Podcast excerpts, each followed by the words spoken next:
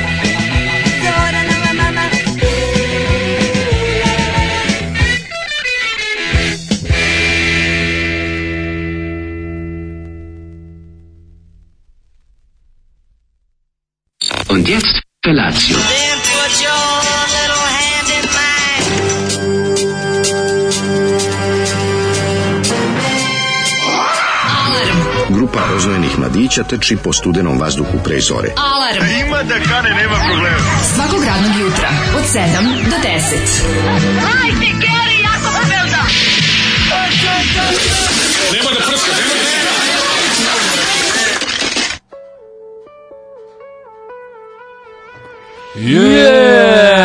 je taj domaćinski, da, to je da. taj domaćin luk. Dobro jutro, dobar dan, došao Đole u moj stan. Dobro jutro, tri su dana kako sam otišao, ali si mi se jutro ipak javio i dono kifle sa kajmakom i malo jogurta. Da, jogurt samo za tebe. E, jogurt samo, da. Natočio mi je Đole jutro s jogurta, dobar je čovjek. Ja mislim da mlađa pogleda vremensku prognozu i pitao me kao, e, možda mi menjaš u ponedjeljak i četvrtak, da, sad no, smeje se, nije nigde otišao. I petak, i petak. I petak sutra. No, da, majko, mila, da, sad smenjam se kod kuće, nije nikud da otišao, laže da je u Berlinu, donio, donio mu je neko, ispisuje par lažnih razglednica, neko, znaš on kad ovi, kad treba lažiraš nešto.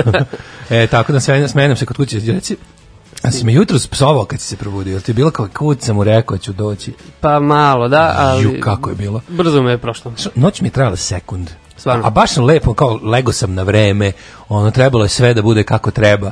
Međutim, ne može noć traje sekund i padala je kiša celu noć. Onda je prestalo negde oko ne znam ja koliko, probudio sam se negde u pola četiri da čujem da ne pade kao, e, kao dobro, taman će ovaj, biti lepo za ujutru kada ono ponovo u, u, u šest i sedam pljušti na polju. a lepo je spavati po kiši, ali je grozno probuditi e, se i, i, ići negde po da. kiši. Kako da. sam, jutro sam se baš mrzio, onako obao one čarape na dah, Mislim, to, zna, to kad čovjek obuje čarape na dah, znači mora nešto da, da, da, da, da radi sa sobom u životu. I mislim se, kao, znači, dajem sad sve što sam u životu uštedeo, svih 170 evra, da ne moram danas da odem na posao. Kao, mislim se, ali mladi Đorđe sigurno pun poleta sada kreće od kuće. Nemam srce njegov, de, njegov detinje osmeh da izneverim trčao sam, hitao sam ka pekari. Ja sam poslao tebi poruku, ajde nam kupi nešto da jedemo. Pošto s tvoje strane ima da se jedeš, ja, e, moje nema. Da. To smo već absolvirali. Da, od mene bismo dobili, ovaj, od mene bismo dobili proliv iz pekare J. Mm. E, ovo je bilo kao nikad. Da, rekla, a, da kao nikad, da. E, kaže ovako, ako mi sećanje ne vara, danas vam je bila poslednja emisija na ovo radio pre tri godine, čestitam, kaže Vlaški mag. E, ja sam da, počeo sam da slušam, tek ste prešli na ovo radio, to moram da priznam. Stvarno? Da. Ti nisi naslušao na B92? Nisam, nisam, B, nisam slušao B92. Ti si baš hipsterteški. Da, ali u početku jedva sam se primio, iskreno, mo, moja to, ispovest sada, Teški ono, jutarnja. Što bi se rekla, acquired taste. Da, ono, nisam mogao uopšte da razlikujem prvo ko je ko, to pa me jako da. nerviralo, to je klasika, čuo da. sam da posle to, čest sindrom. Jeste, jeste, da, pa mislim, ja mislim da ljudi koji slušaju godinama i dalje, ja nešto kažem, ja kao mlađo, samo da znaš, ne, ja, ja sam pametan, nemojte tako, on to je mlađe pogrešio. To, I onda mi se dešavalo uveč, odem na neku svirku tamo u kinesku četvrt kvoter, jedno, mm -hmm. čujem taj smeh, neki poznat mi smeh, mm, ne da. mogu da. problem, okrenem se ono mlađe iza mene se smeh. I kažem, to Zaj, čoveče, pratiš me i dalje, ono, i ujutro ujutro. Da. Kada ono, ali dobro, nervirali ste u početku dosta. Pa, mi smo, mi smo acquired taste, mi smo, kao recimo, Sam ljudima da pričao hilju puta, ljudi koji ono žale se na kako je teško ostaviti pušenje. Da. Zato teško i početi, realno. Pa realno, ja. Znači teško početi pušiti. Ja mm, zbog toga nisam nikad nisam nikad, ja, ja. Jednostavno nemam ja vremena i nemam ja živaca da se da mi bude toliko loše da ja ne mogu, ne da silim sebe. Da, znaš, meni ako nešto ne ide iz ako ne osetim da mi da mi ide da mi, da mi, da prirodno ide, ja odmah batalim. Ja da, volim da. samo stvari koje mi idu. To pušenje i ne verujem da bi mi ikad išlo. Uh, doktor Igi me proganja. Sad u vašoj emisiji za vikend iskoči na svadbi umjesto trubača kao gost iznenađenja ispevo tri hita. E, na šta sam ja gledao nedavno? Majko, e, bože. E, znači, može da se uzme za svadbe? Pa može da ne. Prelepo. Skrivena kamera gde Rahmetli Gru i polo Rahmetli Montenegers se isprdaju doktor Igija. A, ono kao on je pravi, oni su nije reperi, pravi rep, samo znači, oni su znači, danseri su sranje. Igor kaže da nisi pravi reper. Kako više to? ga zeza onaj pokojni, ne znam kako se, nebo. nebo, nebo. Sky Forever. Da. A znaš kad dođe kao ti u toj, na toj sceni kad je kao ti kad se ja setim jako neprijatno skrivena kamera. Ta scena 90-ih gde su gde Gru i ovi kako se zove su vazili kao za pravi rep, a kao ovi Beat Street recimo nisu. kao mi su bili kao turbo folk. Velika nepravda. Da. Velika nepravda, da. da. Kaže ovako, ovaj samo da kažem neki video ima ceo južni vetar, tagovi su blow job. Opa. Više volim podcaste za audio knjige, mi treba veća koncentracija. Aha, to smo juče mlađi ja pričali o Aha, audio knjigama. Audio knjigama. Pogotovo ako je na engleskom. Skinula sam par knjiga na srpskom u produkciji Saveza slepih. je, to, to je e, dobro. da, da, to ima. ima. Kaže, ali ne dopada mi se žena čita monotonim glasom od knjiga na engleskom, obožavam kako... E, e, Jim Dale čita Harry Pottera. Ima divan glas, intonaciju i imitira sve glasove. Uh, pa kaže, ovaj, e, neko pita šta smo uslušali. Olako ste prešli opet preko... Kaže, Zorana. Pa olako ste opet prešli preko Zolija. Ovaj, pesma, naravno, radilo se o grupi Negra i pesmi koje su oni snimili kada su ovaj nastupali na gitarijadi u Starom Žedniku i onda su spavali kod Zorana Kovača Zolija, gde su upoznali njegovu Kevu i tako je nastala pesma Bugi Vugi za Zoranovu mamu. Posveta. A po poruke glase Zoli jeti mamu, da li to Zoli čestite svoje Kevi 8. mart. Ovaj, pa kaže ovako, slušao sam onu raspravu o Vlatku Stefanovskom, jeste vidjeli kako mlađa spakovo daška, batali, brbljanje i pretnje Viber grupi, Pa kaže pa nas pa nas još i nahvalio. Svaka čast Đorđe ali mlađe je ipak Daško Cilin. E, nezamenjiv, nezamenjiv mlađe. Ove, e, na odmoru se budim u 6 ujutru zato što me iz sna vadi e, Marijana Aljoše Boroše, koju je moja bolesna podsvest pustila prirodno. Vas krivim za to kao lica odgovorna što sam to ikad čuo. U inat opet ceo dan ima da provedem na plaži, na ovom još toplom grčkom suncu, mislim na vas dok žderim girus i baklavu. Dobro jutro Lepšanović. Pozdrav mađarske pičke. Pre neki dan mi pada na pamet da ponovo preslušam emisije sa Đorđem iz februara jer su pokidale. Kad eto ti njega opet živo? Bravo, to ti poručuje, poruču drug s Gembo. Znači imamo obožavatelje još tad. Evo kaže čovjek ne idu svi u prekomandu posle obuke. Evo ja sam 12 mjeseci proveo u Novom Sadu u kasarni Futoškoj. Mnogo mi se sviđa Novi Sad, a sad bi civili da skvotuju. O da bi. Slušaj, ovu tužnu priču. Mi smo juče priučili o ovim e, o popularnom fenomenu. Ne znam, ti si, ti si ove e, ti, rane tinežerske godine proveo u Nišu. E, jes, uh, jes. Da. Jel se tamo, jel tamo ima, imate, jel bio termin obrucavanje? E, nije, nije. Tamo ne, obruč, kako se tamo zove kada, kada muškarci dobiju dlake? F, ma, pa, ma, maljave, šta?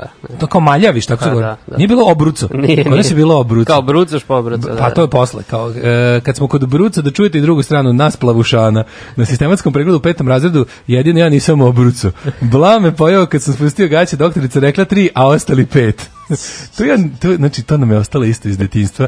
Ne, šta je to kad ti skinu gaće i kažu neki neki broj. Pošto kod nas to bilo toliko šareno da se ništa nije moglo, nikakva zakonitost se nije mogla uhvatiti. To se nije kod nas dešava. Zna, niste imali oko D, D3, kažu. I onda ti uključuje kabel od SBB d-a u bulju. I kriju šak s tobom. Kao. Da, kao ha, haosem. Ove, ovaj, skakač. Skakač na haosima. Kaže, ni sa licem nije bilo ništa bolje, belo papir je sve do vojske kad su me natrali da se obrijem i tad je krenulo, sad imam 50 plus dole džungla, moram da trimujem da me žena ne bi počupala. Debele dlakude koje naviru iz nosa, ušiju, obrva i sisa su poseban ukras. Gde sad? Gde si sada 5 Gde si sada 5 Da, da, da. Kaže ovako, ovaj, e, preslušajte od Karla Segana Pale Blue Dot, audio knjigu jeste odlična, nisam preslušao čito. On čita sjajan sadržaj knjige, sjajan glas preslušah više puta, a mi slušamo um, Arcade Fire i Everything Now. Jel može? Dobro jutro, može. Aj, zlo mi je. Tako je to kad se miješaju kobasice i čokolade. Alarm sa mlađom i Daškom.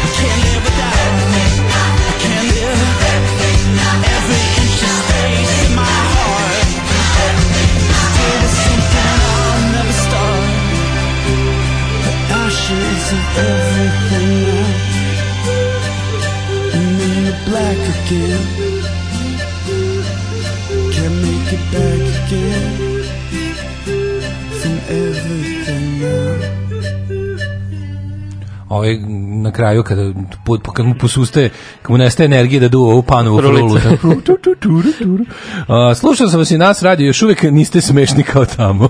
A, uh, mislim da je bio dan pre Daškog rođena na poslednja emisija na radio. Ja mislim ne, bio neki oktobar oktobar bio, pa ovaj, e, ja sam prvih mjesec dana mislio da emisiju vodi jedan čovjek koji imitira dva glasa. Uh, I samo ponekad, i samo ponekad najde porno lala još na sve to. to, to, Svečano priznam da napušta Viber community, nema čovjek da isprati da smo, e, ali samo da znate, ovaj, Viber community nam je po, po standardima Vibera baš dobro. Dobili smo pohvalu od kompanije Viber da nam je community vibrant. Ja, ima preko hiljadu sad tako? Ima 1200 i nešto, skoro 1000 250, ja mislim. Maša. Ja sam, juče sam gledao one Insights, što ja kao super Aha, da, admin da, imam, da. dobim. Dobiš bre, fajl koji se otvori kao Excel tabela, ljudi, šta sve znamo vama.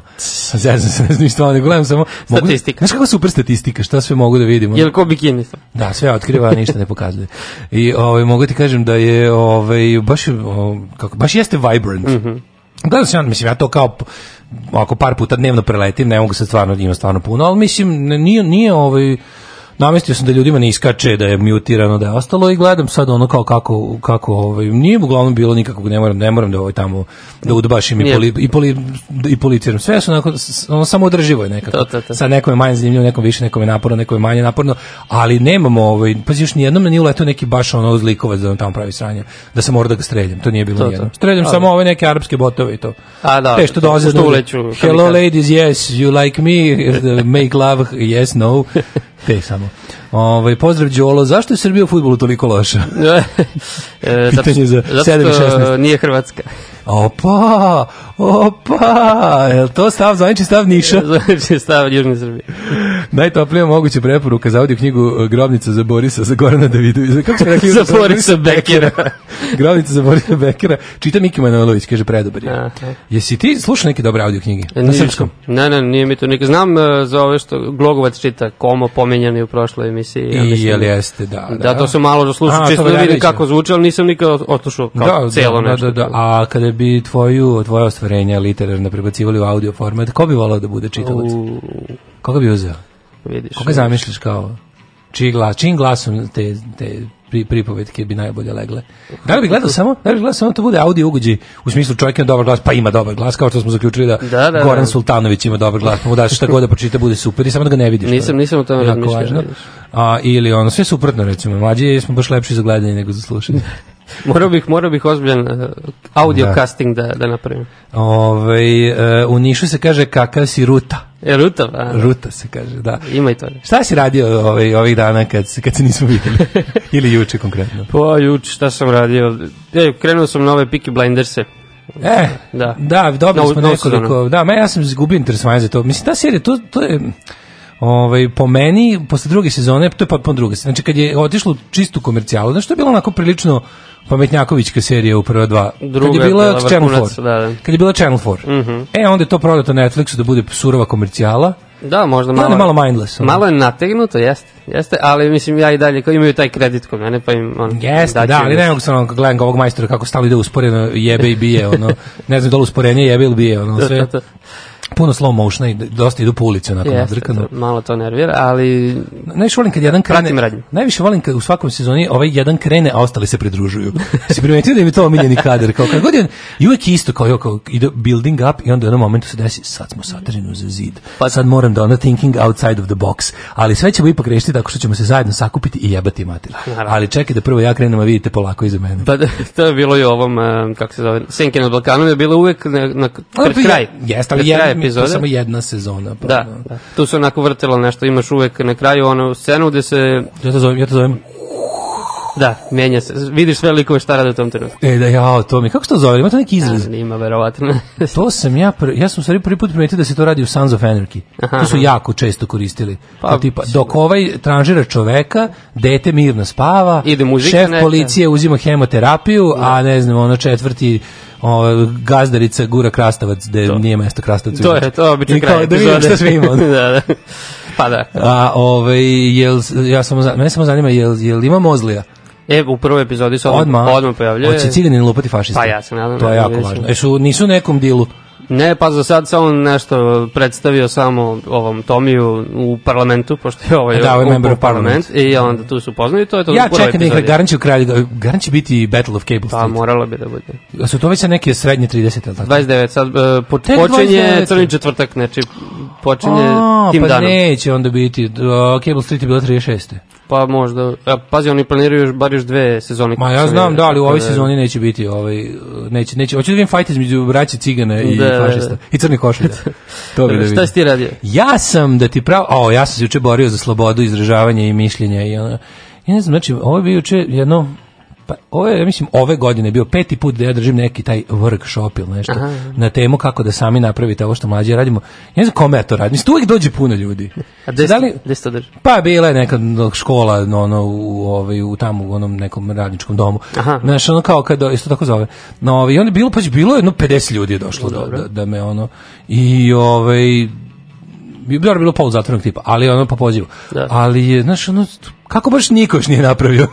Či znači, svih ti kojima se znači, tamo upljam da objasni, možete ovako, pa ovako, pa treba vam ovo, pa ono, pa svi izađu nešto, svi me nešto da pitaju, izađu onako sa onim punim, punim entuzijazmom, ja se pitam da. je li neko nešto uradio posle s time. Ono. Follow up, kako se to Da, imali to, ili to nečemu, ono. Da. I ovaj, tako ništa, bavio sam se još nekim ono, tekućim pitanjima i onda je uveče pa pala kiša, Da, da, da. I ono, i, u, kako, kako, kakvo lepo komiranje, ali kažem ti, noć je kratko ja sam trajala, u pola a nama je trebala, na, e, to, to, to, da, najduža na svetu, otprilike. Jeste, jeste.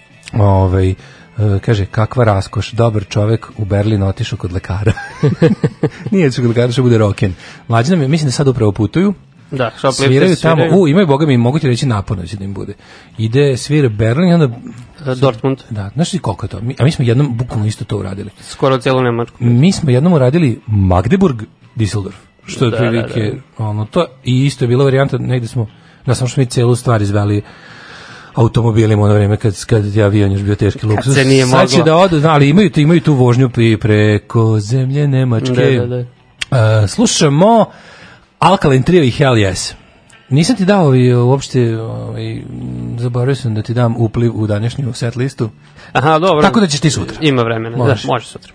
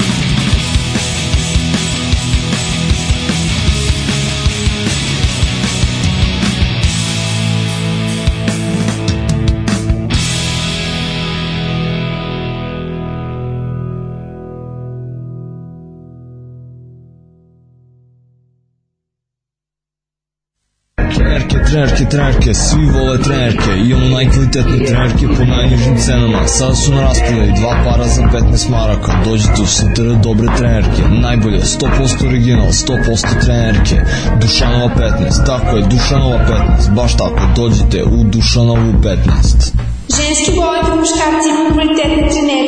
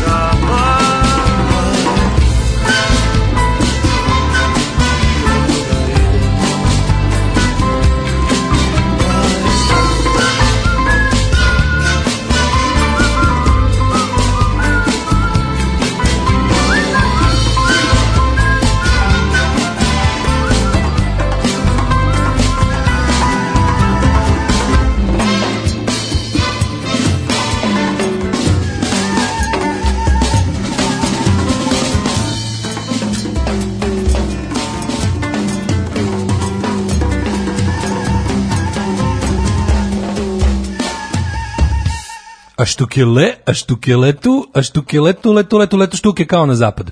Ovaj kaže zavrebao neki zoli, nemojte tako, je baš stiglo gomila poruka oduševljenja što smo pustili letu štuke, puštamo mi, puštamo mi često, što, da. da puštamo ih često. Nego vidi kad pomerimo ovde sada računar ponovo dođe mi ova indukcija. Dung, dung, dung, Aha, nešto. čujem nešto, da, da. Gde ste šljunkare?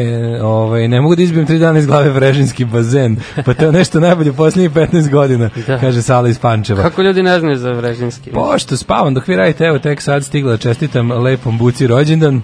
Poslala bih i seksi sliku, ali nisam sisata Milfara, mogu eventualno poslati kisu čelo i pesmu po vašem izboru. A slika kada ovaj budem starija, ne veze, samo ti lako. Prihvati. Jednog dana, nemoj da žuriš uopšte. Dobro jutro, vrijedni ljudi, da nije Vuk slučajno tu, radovan moj muž ima danas rođendan, pa da mu čestita ako ima ko. Naravno da sam tu. Ne mogu ja, pogotovo kad je ovaj otišao prepegu Nemcima, kao i ja 41. Ove, ovaj, e, kaže, Mlađe je drugačiji, on fali jer tu nezaustavljivu silu zvanu Daško može štopovati samo ne, nepomerljivi objekat mlađa. Nepomerljivi. Stub. Stub, da. Alarmstva. Stope, stoper inercije. Uh, bravo za podršku Greti. Pratim tu malo već neko vrijeme, valjda će da uradi nešto mnogo veliko. Pa ne vjerujem da će ona da uradi nešto mnogo veliko, ali ako dovoljno ako dovoljno skrene pažnju na, na stvar ovaj. Ste pričali juče. Pričali smo Greti, nego, nego smo pričali kako nam ide živce taj cinizam, ono i uopšte. Da, da. Prvo cinizam, cinizam od ljudi koji su relativno na našoj strani, to, to me nervira. Da, a ono što je problem je ono kao organizovana kampanja s desnice, ono, gde su stvarno baš onako njihov taj jadni, da, da. ono, Znaš, internet, internet levica je dosta jadna, ali tek internet desnica što je jadna, majko božja, ono. s tim svojim jadnim troll, ono da. mizantropskim ono kampanjama, to je stvarno baš onako nekako bedno. Ali smo bili u fazonu kao šta, još kad se vidio juče malo kako nosi antifa majicu, ja sam bio Jel jeste, e, nisam, ono, znaš koju, ono antifašist All Stars, ono kao Converse, znaš, e, ono, e, ono sa zvezdom pa da, kao da, što da, da. piše Converse All Stars. Ove, ovaj, uh, kaže, um, Volim kada, čekaj, gde je najbolja poruka? Uh, što volim kada dobri čovjek mlađe ode negde, pa ne moram da slušamo nikakvu sranju muziku, nego samo super. Daško, kako si Đorđe to rekao, ti ćeš sutra kao Đenko Mirko u maratoncima. Da, Nije stvarno, ćemo dati, evo daćemo da sutra nabere pet pesama. Opa, Et, jel može pet? Idemo. Pet može. Idemo. Ali, ali od onog što imamo ovde ne smiješ da, da donosiš svoje. Smiješ da Da ne zarazim kao ne. Smiješ da donesiš svoje. Svoj mali USB da uključiš u našu moćnu mašinčinu. Vrlo zloupotrebljavamo opciju work from home, ali jutro uprkos kiši hrabro idem pješke u korporativno gnezdo. Molim vas da se to prepozna, možda i neki celebrity da čestita. Može, ovaj, ja, če, u principu možeš raditi od kuće, a ja radim iz Moskve, ali ovaj, tako da čestitam. To je bolje. Čestitam ti, je bolje, da. Ovaj, e, kaže, ljudi ovaj pored vređinskog bazena imaju još oni dobrih i čak i boljih stvari. Recimo razbucaj, mnogo je dobra. Aj sad Đole recim. E ti slušaš Bokalo Bokalo da, da, da, to je suštini one man show, to je nije praktično bend ali da, nije, nije baš aktivan koliko ja znam. Da, pa to je, jel to, jel to nije kao recimo, mislim mi od kad smo provali taj savremeni, mi smo se uložili na nišku scenu, pazi, da. ona niška scena je jedan kontinuitet kvaliteta. Jeste, samo se pazi, samo, probija. Pa Galija, pa Kerber, Šalim se, dva najpoznatija benda su najveće sranje. Jeste. Znači, ali da. Stereo Banana, brate, milion potpuno genijalno. Dobro, to sounds pop. like, sounds like nothing else. Jeste, jeste. Odlični su, ono. Ovaj, e, pa kaže ovako, e, čekaj, čekaj, e, Mm, ko će audio bukčinu, preporučujem The Wheel of Time Roberta Jordana. Čitaju Kate Redding i Michael Kramer, majstori zanata, slušati sve od njih, 15 knjiga, 19 dana audio materijala. E, tako. Ove, a kaže, Niče Vujičiću no, know-how radionica. Kako rešavate problem pada servera? Razmišljamo pozitivno i neki lik nam sredi. Odakle vam novac za biznis? Ski, e, širimo radost i taj pozitivni vibe nam se vraća kroz donacije. Je tako bilo? Je. Pa nije, ja mi objašnjamo oko ovih neki tehnički stvari. Kažem, ljudi, vidi, znači, ideja da ćete ono, pa, ok, ja kažem, ne možete vi, ima, nemate startnu poziciju koju mi, mi jesmo došli iz pravog radija, da, da, imali da. smo ono bazu nekako, to jeste nezamenjivo.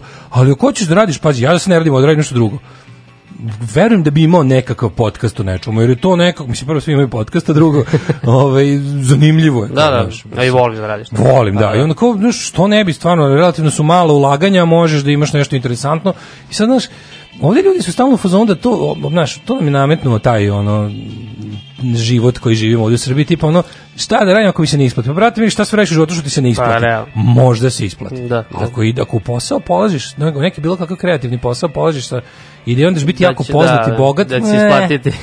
ne samo to, nego da će isplatiti, nego ljudi često su u fazonu kao ono, znaš, kao nisam poznat, pa čekaj, stani, počni polako. Znaš, ona lepota današnjeg vremena je što ako kreneš nešto, radiš, okačiš tamo out there na internet, javit će se neko još koga to zanima. Pa jest. Mislim, Mislim mora, mora biti to nešto iznutra da, je, pa da te vuče, a ne sad ne, tako spoljni faktor. Da, što reče, ona, neka ode glava, nikad niste tako razmišljali. Hoćemo u prošlost? Ajde, možemo. Ajmo. Ajmo.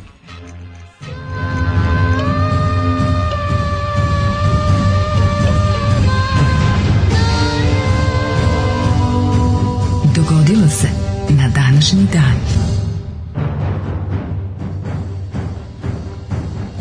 Kaži mi, ovaj, Moja kada, istorija kada počinje... počinje tvoja histerija? Danas je 26. septembar, ne znam nijako je dan u godini, reci mi gde ćeš za novu Aha, ja, ja teo da se izvučem. ne može da se izvučeš zato što sam ja danas mlađa, a ti si Daško. Jeste, jeste. Jest. E, pa mislio sam da idem u Lovćenac, u, u kafanu Moskva.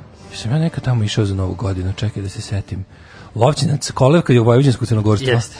Tamo je crnogorska partija jaka. Tamo su samo crnogorci jaki. da, pa ne, ali ona crnogorska partija, to mi je e, pa omiljeno. CP. Da. Ja, e, Ima kafana bio... Moskva kod Vesne, preporučujem svima da Zbog se čega? svrati Zbog tople domaće rakije, da, rakije, svega ostalog. Nema bolje žene od rakije.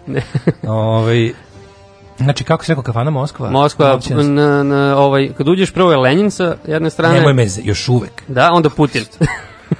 A ovamo ostrog u zapećku. Da li u Lovćencu, da li dalje jaka partija rada, to me živo zanima, o, iz, iz, da, vrba Slovćenac. pa sigurno. Tamo su naši. Ja mislim da se to ne menja, konstanta. To je jako, jako, jako interesantno. Znači ja imam neki, drugar mi pokazao izveštaj iz recimo tamo nekih srednjih 50-ih, možda čak i rane 60-ih. Tipa igrao se neki najlokalnije mogući derbi, ono tipa mhm. Lovćenac Vrbas, ono. Da da je publici ono zaplenjeno 1000 komada ručnog naružanja da su ali pazi ne ona kao uzeli ne može ne može ga odvojiti od livora trajno nego kao za vreme trajanja utakmice su bili zamoljeni da ih ostave nastalo konfisko i onda kao kad se završilo svako je mogao da uzme svoje da ide kući al dok traje da bar ne budu naoružani znači pokazuje izveštaj pokazuje mi izveštaj iz tadašnjeg ono supa kako je bilo ono tipa ono moralo da ide 1000 policajaca 1000 narodne milicije da ide tamo da da da, da sprovede da omogući nesmetano sprovođenje ono petoligaške utakmice. To je pravi fudbal. E, da. To je... A mi da ste igrali tipa Lovćinac Vrbas, ispravićemo neko. Možda još neko manje. Ako zna, to je dosta ovako iz, ovo važno iz fudbalske istorije. Jeste. Ne znam jesi čuo za to. O, ovaj, danas je Evropski dan jezika. Dobro. European Day of Tongue. Kad smo kod jezika, jako dobar Če, jezik. Kod jezik? jezika. Ne jezika organa, nego language. Dobro, language. E, jako dobar language, ima se pojede. Znaš gde je dobar language, verovili, na restoran su, su robaja kod najlona. U pogrešnoj se crkvi moliš, ja, meso slabo. A ti si vegetarijanac? Pa, jelim ribu ponekad. A peskaterijanac? Dakle, peskaterijanac. Da. peskaterijanac. Nikad to nisam izgovorio za sebe. Da, ja, ja ću. Jeste dosta ovako svatko, da. ali da. peskaterijanac. Znači, slabo jedeš meso, a? Slabo, da. Dobar jezik u surabaji kod Nelona. Surabaj. Na, na indonežanski način spremljen. The, the language. Uh, moja istorija počinje 1087. Ajde. A tvoje? Isto. Moje malo kasnije. Stvarno, u Westminster Abbey, što bi se reklo u Westminsterskoj opatiji, mm -hmm. uh, William II je krunisan kao engleski kralj. A, Mislim dobro. da je to prvi koji se tako e, zvao. 1087. Aha, pa da, da, da. Jer jeste prvi kad je kao King of England. Pa posle kažem 1066 su. Pa to je kad su se spojili. Da. Jeste, pre toga su ono znači kad su se ovi Angli mm -hmm. spojili s Normanima, držne da i to je a birth of English yep. English nation. Kod mene počinje 1186. Izvolite. E, Dubrovnik sklopio mir sa srpskim velikim županom Stefanom Nemanjom. E, jel, mislim, to je možda pre bilo da je Stefan Nemanja sklopio s Dubrovnikom, ne znam sad. Šta je Dubrovnik? Je toliko bio jak da Dubrovnik mogu... bio jak, da kaže da je Nemanja dva puta pokušavao da osvoji to ovde piše. Šta ti odeš, odeš tamo, pokušaš nešto, ne uspeš i onda ti od njih moliš mir. Ma da, mor, Zato što je bio utvrđeni grad. Tako moraš da, dil da napraviš. A to je, to kao kad se kaže Dubrovnik, to se baš misli na današnji ok, utvrđeni grad Dubrovnik. Tu, tu je bila, da, utvrdala, oni su imali teritorije. Imali su teritorije veće, da, to je bio da, da. kao pol, grad država. Da. 1371. E, bitka e, na da. Marici. Ajde, tako zvana bitka kod Černomena. Šta da. znate o tome, kolega? Pa to ovako, kad hoćeš da proveriš istoričara nekog, e, Dobro. pitaš ga koja je bitka bitnija, Marička ili Kosovska, ako ti kaže Kosovska, nema još ne, nema ništa. pojma, Marička je da, bitnija. Znači, Marička je, što je bila prelomna, Kosovska je samo posla izmito... Marička je bitnija jer su tu, što bi se reklo, Turci čvrsto stali nogom u Evropu. Da, da. I, da tako. Da, I odnosno se samo širili. Tako, tu su krenuli da osvajaju znači, sve ove e, bivše Dušanove teritorije i da, da, da. da. poginuli obojica Mrnjavčevi Obradovića. Kaže, održano je u petak 26.9. Između snaga Osmanlijskog carstva pod vojstvom rumelijskog Beglerbega Lala Šahina. La, lala. Lala, š, Lala Šahin, Lala Šahin i srpskih snaga koja se brojala oko 60.000 ljudi. Uh, ovaj, srpsku vojsku predvodili su kralj Vukašin i njegov brat despot Jovan Uglješa koji su poginuli u bici. Je to, bilo, je to ono čuveno? Oni su spavali. Nažalost da smo to mi učili. Mm, mislim, da, da je ne. tu neko, neko, nekog... Na... Da se neko uspavao. Da su ovi, da su ovi prilike napali, da nije baš bilo ono, što, da nije poštovan plan i protokol. I ženska, i ženska konvencija tog vremena. nego da to, su ih ovi dovetili dok su, dok su bili nešto, ono, rano jutro su udarili. Moguće. Ili su se ovi nešto tipa zapili. E, pa to kao zvuči realnije, ali stvarno... Da je vojska pila rujna vina, ono, da, baš da, je da. bilo da. grožđe, se bralo tih dana i onda... Uh, opilo ih mlado vino Moguć, i posekli britka turska sablja. 1580. Aha, engleski moreplovac i gusar Francis Drake uplovio u luku Plymouth na završetku svog putovanja oko sveta. Tad je u 16. veku isto bio jak taj uh, Flat Earth Society, ne znam da, da znaš. da, da, da, jaki su bili. jaki, mislim, su. Bili su tad da, da, u većini zapravo. Bili su, da. Zvali su još i crkva. Zvali su se još i crkva. da. A i onda Drake se iznervirao, ostavio svoju repersku karijeru po strani i otišao na put. Ostavio Drake. Sveta, da. Drake ostavio svoju repersku karijeru i rekao, znaš šta, ja više ovaj antinaučni stav po tadašnjem internetu koji se još zvao pergament, ne mogu da trpim. E, prvi Engles koji je oplovio zemlju, za šta je dobio titulu vitez od kraljice Elizabete. Francis Drake je bio, ako se ne varam, on je bio otprilike poluvojno lice, polugusar. Tako, pa da, da. On je bio privatir. Jeste. Odnosno, gusar koji ima dozvolu krune. Imao je da. neku slobodu, onako malo. To se znalo, znači, mm -hmm. je mhm. bilo uređeno zakonom. Pa pojavljaju se u Crnom Guji u ovaj, sezoni kad je Elizaveta. Znaš da on dođe u neku da, da, da, baš, da, da. mislim, može iz tog putovanja čak. Jeste, dođe i kaže, da, on je, on je bio taj lik koji u fuzonu, možeš krasti, ali nama dati. Pa to, A, možeš to. krasti, ali desetak ide. Za državu. Da, za državu. Uh, sledeće... 1687. 17. Mirom Aha. u Parizu, Habsburgski nadvojevode budući car Ferdinand obavezao se da će proterati uskoke iz Senja. Uskoci su naseljeni u okolini Otočca i na Žumberku, gde njihovi potomci žive još i danas. To jeste mhm. žumberački partizanski odred je bio poznat. To sve garan potomci ovih nadrkanih uskoka. A sledeće godine je krenuo 30-godišnji rat. Jel jeste? jeste. 1618. Da, da. A 87. E, 1687. u bici s Turcima e, Topovsko tane mletačke vojske izazvala eksploziju u kojoj su teško oštećeni Partenon i Propilej na Akropolju gdje je turska vojska držala municiju. Kakvi su šupci što su to iskoristili za skladište mu da bi da, da, da, da kao vi ne bi, ali su bili u fazonu draža nam je sloboda, ne sloboda. Glavno da, da osvojimo to nego da imamo antičku. Pa jeste. U Akropolj danas izgleda uh, tako kako izgleda zahvaljujući tome. Pa da, mislim Atina je u to vreme bila vrlo malo mesto, kako ja znam, već se tu sve zato što imaš celu Vizantiju između, mm. mislim. Da, da, da, nije, tako da nije Atina bila tako. Premestio se centar razvoja da, na drugo. Da, tek u 19. veku se ono vraća. Da, u 17. veku kako to uopšte bilo? Ja ni, ja ni ne znam, ti pravo kažem istoriju Grčke u tom periodu znači od posle tu kao Vizantije do nacionalnog oslobođenja, ne znam šta je Grčka Pa isto koji mi, mislim. bila je cela pod Turcima, da, tako? Crkva od padot na Vizantije. Da, crkva se održala, znači da, zato Aha, su oni posle tako. kad su se obnovili, jel, obnovili se oko toga. Hajde, delili smo sudbinu s braćom pa, Grcima. Pa, prilično. Dobro. E, uh, 1815. E, pa da. U Rusiji i Austriji Pruska formirala svetu alijansu, da. koju su kasnije potpisali svi evropski vladari, osim britanskog regenta, papi sultana, cilj savjeza bio da uguši revolucionarne pokrete u Evropi, posle posle Francuske revolucije i Napoleonovih ratova. To je bilo neki tadašnji NATO, ja ne znam kako drugačije da ga... Ev, evropski NATO. Pa da, neki, kako se zove ona... Ili ima neka, da, dobro sad ima ta neka ideja da se, e, Euroforce, kao da će da se mhm, stvari mhm, neka mhm. evropska vojska, evropski NATO. E, uh, 1853. Josip Pančić postaje kontraktualni profesor novooformljene katedre jestastvene, istorije i da. agronomije liceju u Beogradu ukazom knjeza Aleksandra Karadžorđevića. A 1907. Novi Zeland, koji je bio kolonija Velike Britanije, postao dominion u okviru britansko britanskog Commonwealtha. 1907. znači, pa da. A već su imali, ovaj, kako se zove, pravo glasa za žene. U Mislim da su 1911. dobili. Pa, u, do, u to vreme. Da, da, u to vreme. Novi Zeland je prva zemlja na svetu. Prva na svetu, zato sam se setio. A kad su u Švajcarskoj dobile, znaš da to? U Švajcarskoj nešto... 74. Tako, da, da, da. da. Dosta posle nas. Karibi još nisu ni dobili, da. što bi se reklo.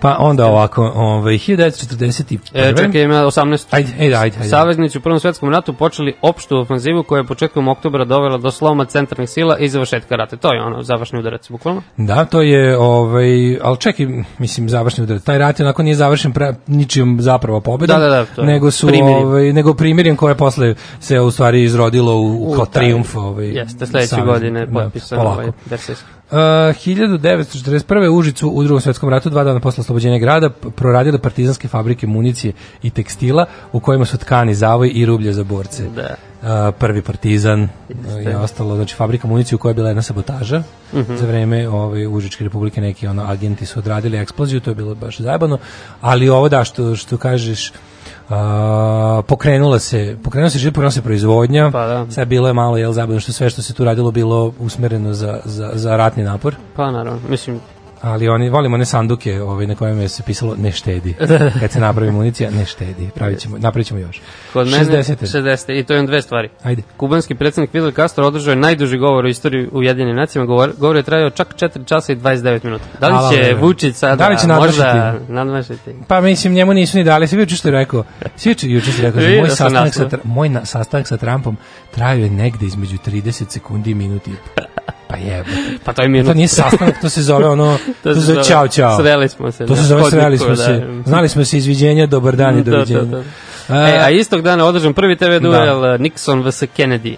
To je prva uh, televised presidential debate. Da, da. I, ali ne znam da li, da li uopšte prva, de, mislim da su bile debate ranije, ali da su bile samo moraš i doći tamo da gledaš ili ih je radio prenosio. Mm -hmm. A od tada to je postao, to je postao jako važan. Spektakl, da. To je postao jako važan deo predizborne trke, ta ovaj, predsjednička debata i njih dvojica su prvi to, presidential da. debates. I očigledno Kennedy bio bolji. A, pa bio je bolji, naravno, bio je lepše, ako ništa drugo, na ovog namrgođenog, nadrndoljenog. To, sigurno. Nego je fora što se te kao, znaš, debates, to se posle pretvorilo u bukvalno ono, znači, mislim, Ameri, ono, i taj, ono, da, da. Nema, nema šanse da ne naprave da sve nekako bude isplativo. I onda on ti sad ga pogledaš ove, ove Democratic Debates, pa mm -hmm. to je isto. To traje, to traje. traje do kada će, ne znam kada će oni... Ko reality show, pa da to je baš reality show. I sad ona kao demokratska partija koja gleda da izabere svog tog, jel, ko će biti nosilac, ko će izazvati. SMS poruka. SMS, da, ima i to, čovječ, ima sve živo. Na kraju ne, kao, kao taj, Dobro, da. oni glasaju taj Democratic National yes. Convention će da odabere, ali to traje kod njih do februara. Mm. I onda u mm. februaru će da objave ko je taj koji izlazi na izbore u Trumpu tamo novembru. Da. Za crto, ali jako interesantno što se javilo prvi put posle ne znam koliko godina se desilo da u republikanskoj stranci, pazi kad imaš predsjednika koji hoće da obnovi mandat. Da kad imaš ono incumbent. Aha, onda često nemaš protiv kandidata, e, jel? Sad se javio onaj neki Joe Walsh, neki, Aha. ovaj, Joe Walsh, neki republikanski, ovaj, kongresman ili senator, zaboravio sam šta je, izaziva kao postojećeg predstavnika, mislim, to se nikad ne dešava, da, da kao zvanično traži partijsku nominaciju umesto sitting presidenta. Da. Pa dobro, mater, Trump. Da, da, jeste mater. Nije ne govore rekao da u fazonu kao ono, napoga isto ko što ga napadimo kao da, čovjek da, da. je unfit to be president da. jer je jednostavno Lud. bolesno, ono, bolesni lažav. E, 68. portugalskog diktatora Salazara, koji je vladao 33. nasledio je Marcelo Jose de Veves Alves Caetano. Dobro. Chico Lopez. Prođe nam emisija. Da, prođe emisija. Da, da. 69. Bolivija, e, Aha. Bolivija vojna hunta pod vojstvom generala Alfreda Ovanda Kandije E, oborila predsednika Silesa Salinasa. E, ovo je čuvan 1980. neonacisti postavili bombu na Oktoberfest, poginulo 13, stranjeno 200 ljudi. Da, vi što nisu To je bio jedan od onih, čuo si za operaciju Gladio. Mhm. Uh -huh to je NATO projekat da, ono oružavanje desničarskih ekstremista širom Evrope u slučaju ruske invazije da to budu šok trupe. Znači, to je bilo to. Ali to spektakularno manulo, najbolje se videlo u Italiji da su fašisti naoružali mimo programa i počeli da pokušaju da preuzimaju vlast. Da. Desilo se u Belgiji, lik je upucao tržni centar, ono upao isto i, i dokazalo se da je oružje bilo provajdovano od NATO-a pa se otrglo kontroli, a isto je uradila i ta, ne gde se mm -hmm. koristio NATO ovaj C4 eksploziv i detonatore koje, koje su koje ovaj, im ovaj nabavili. Nisam, nisam Okrenuli su se protiv, ono, ujeli su ruku koja je hrana.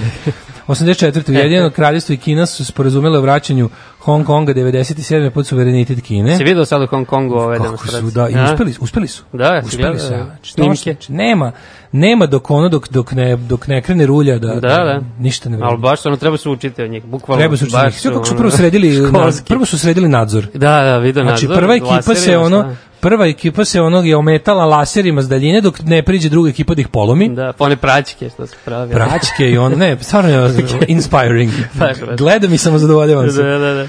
Uh, evo, 88. je uzelo Ben Johnson Ono, e, da, je... Ben Johnson zbog dopinga... E, neko posle reče da je Carl Lewis posle pao na doping. Bilo je, bilo nešto, ali to, dosta, dosta kasnije se to otkrilo i onda valjda nije tako propraćeno. Mislim, ovo je bilo bukvalno sum posle par meseci. Kako niko nije prebacio, on se najviše tamo kao pao na nesvec kad se on kao znaš, kad, kad su u Benu Johnsonu rekli da on je bio oh, strašno šta se da, radi, da, da, kakvi da. su neki ljudi. Stvarno. A posle i ono. A ne znam, opet za, za kad su njemu utvrdili da se dopingu. Moj drugar kaže, moj drugar kaže, kao u ja bih kao napravio jednu posebnu olimpijadu, koja ne mora se zove olimpijada, gde će biti dozvoljeni svi mogući dopinzi i ostalo, kao da vidimo šta ljudsko telo zaista može. Pa pomrla bi posle 10 pa godina. Pa nema veze kao buda dobrovoljno je, ne pa running, pa, da, ne running man, nego ono. Da, da, kao napraviti nešto, neke nove olimpijske igre na kojima će ljudi da se enhancuju maksimalno čime god hoće, da da vidimo šta sve je kao šta, ali, šta je sve čovjek sposoban. Ja mislim da je to bukvalno jako, jako mala ta razlika koju, koju oni postižu kao da spuste svoj da. rezultat no. za nešto jako malo, malo sam sujao sad. Ne rekao. spuste rezultat malo on 10. Koji je jezik? Da, da. Ove, 89. 89. Vijetnam povuku svoje trubu iz Kambođe. Aha, pa onda ono imamo... bile, da, do, s kmerima, jel? Crveni kmeri. Da, da, da. Uh, eh, triput kmer jednom seci, mhm. kako se to kaže, zemljate su u Italiji 97. 11 osoba poginulo. 2000. grčki feribot Ekspres Samina naleteo na podvodni greben kod Parosa, potonuo za 20 minuta. Užas. Uh, 72, pađe 500 ljudi je bilo na brodu, 72 je poginulo. Strašno. I 2001. Belgija. Belgija. Da, ajde. Predala Međunarodnom sudu za Ruandu bivšeg ruandskog ministra za financije, e pa Emanuela Ndindabahizija kako si ga pročitao, ali ti veruje. Optuženog za umešanost u genocid. Slušamo Cindy Loper.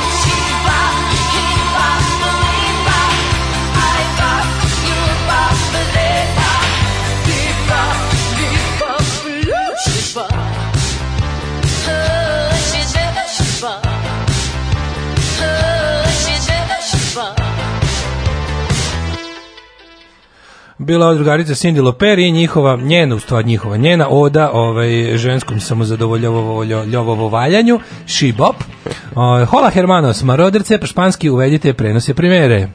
Španski, da, da, da, naravno. Jel, si da, znaš nešto?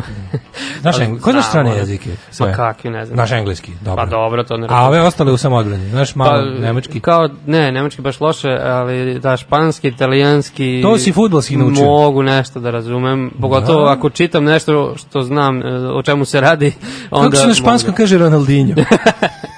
e, Ronaldinho gaučo. Gaučo, da. da. Kudrevi gaučus. E, to treba se zove nuklearne olimpijske igre, to što predlažemo. Nuklear. Što bi rekao Satan Panovski. Znači da bude organska i gmolimpijada. Gmolimpijada, gmolimpijada. može.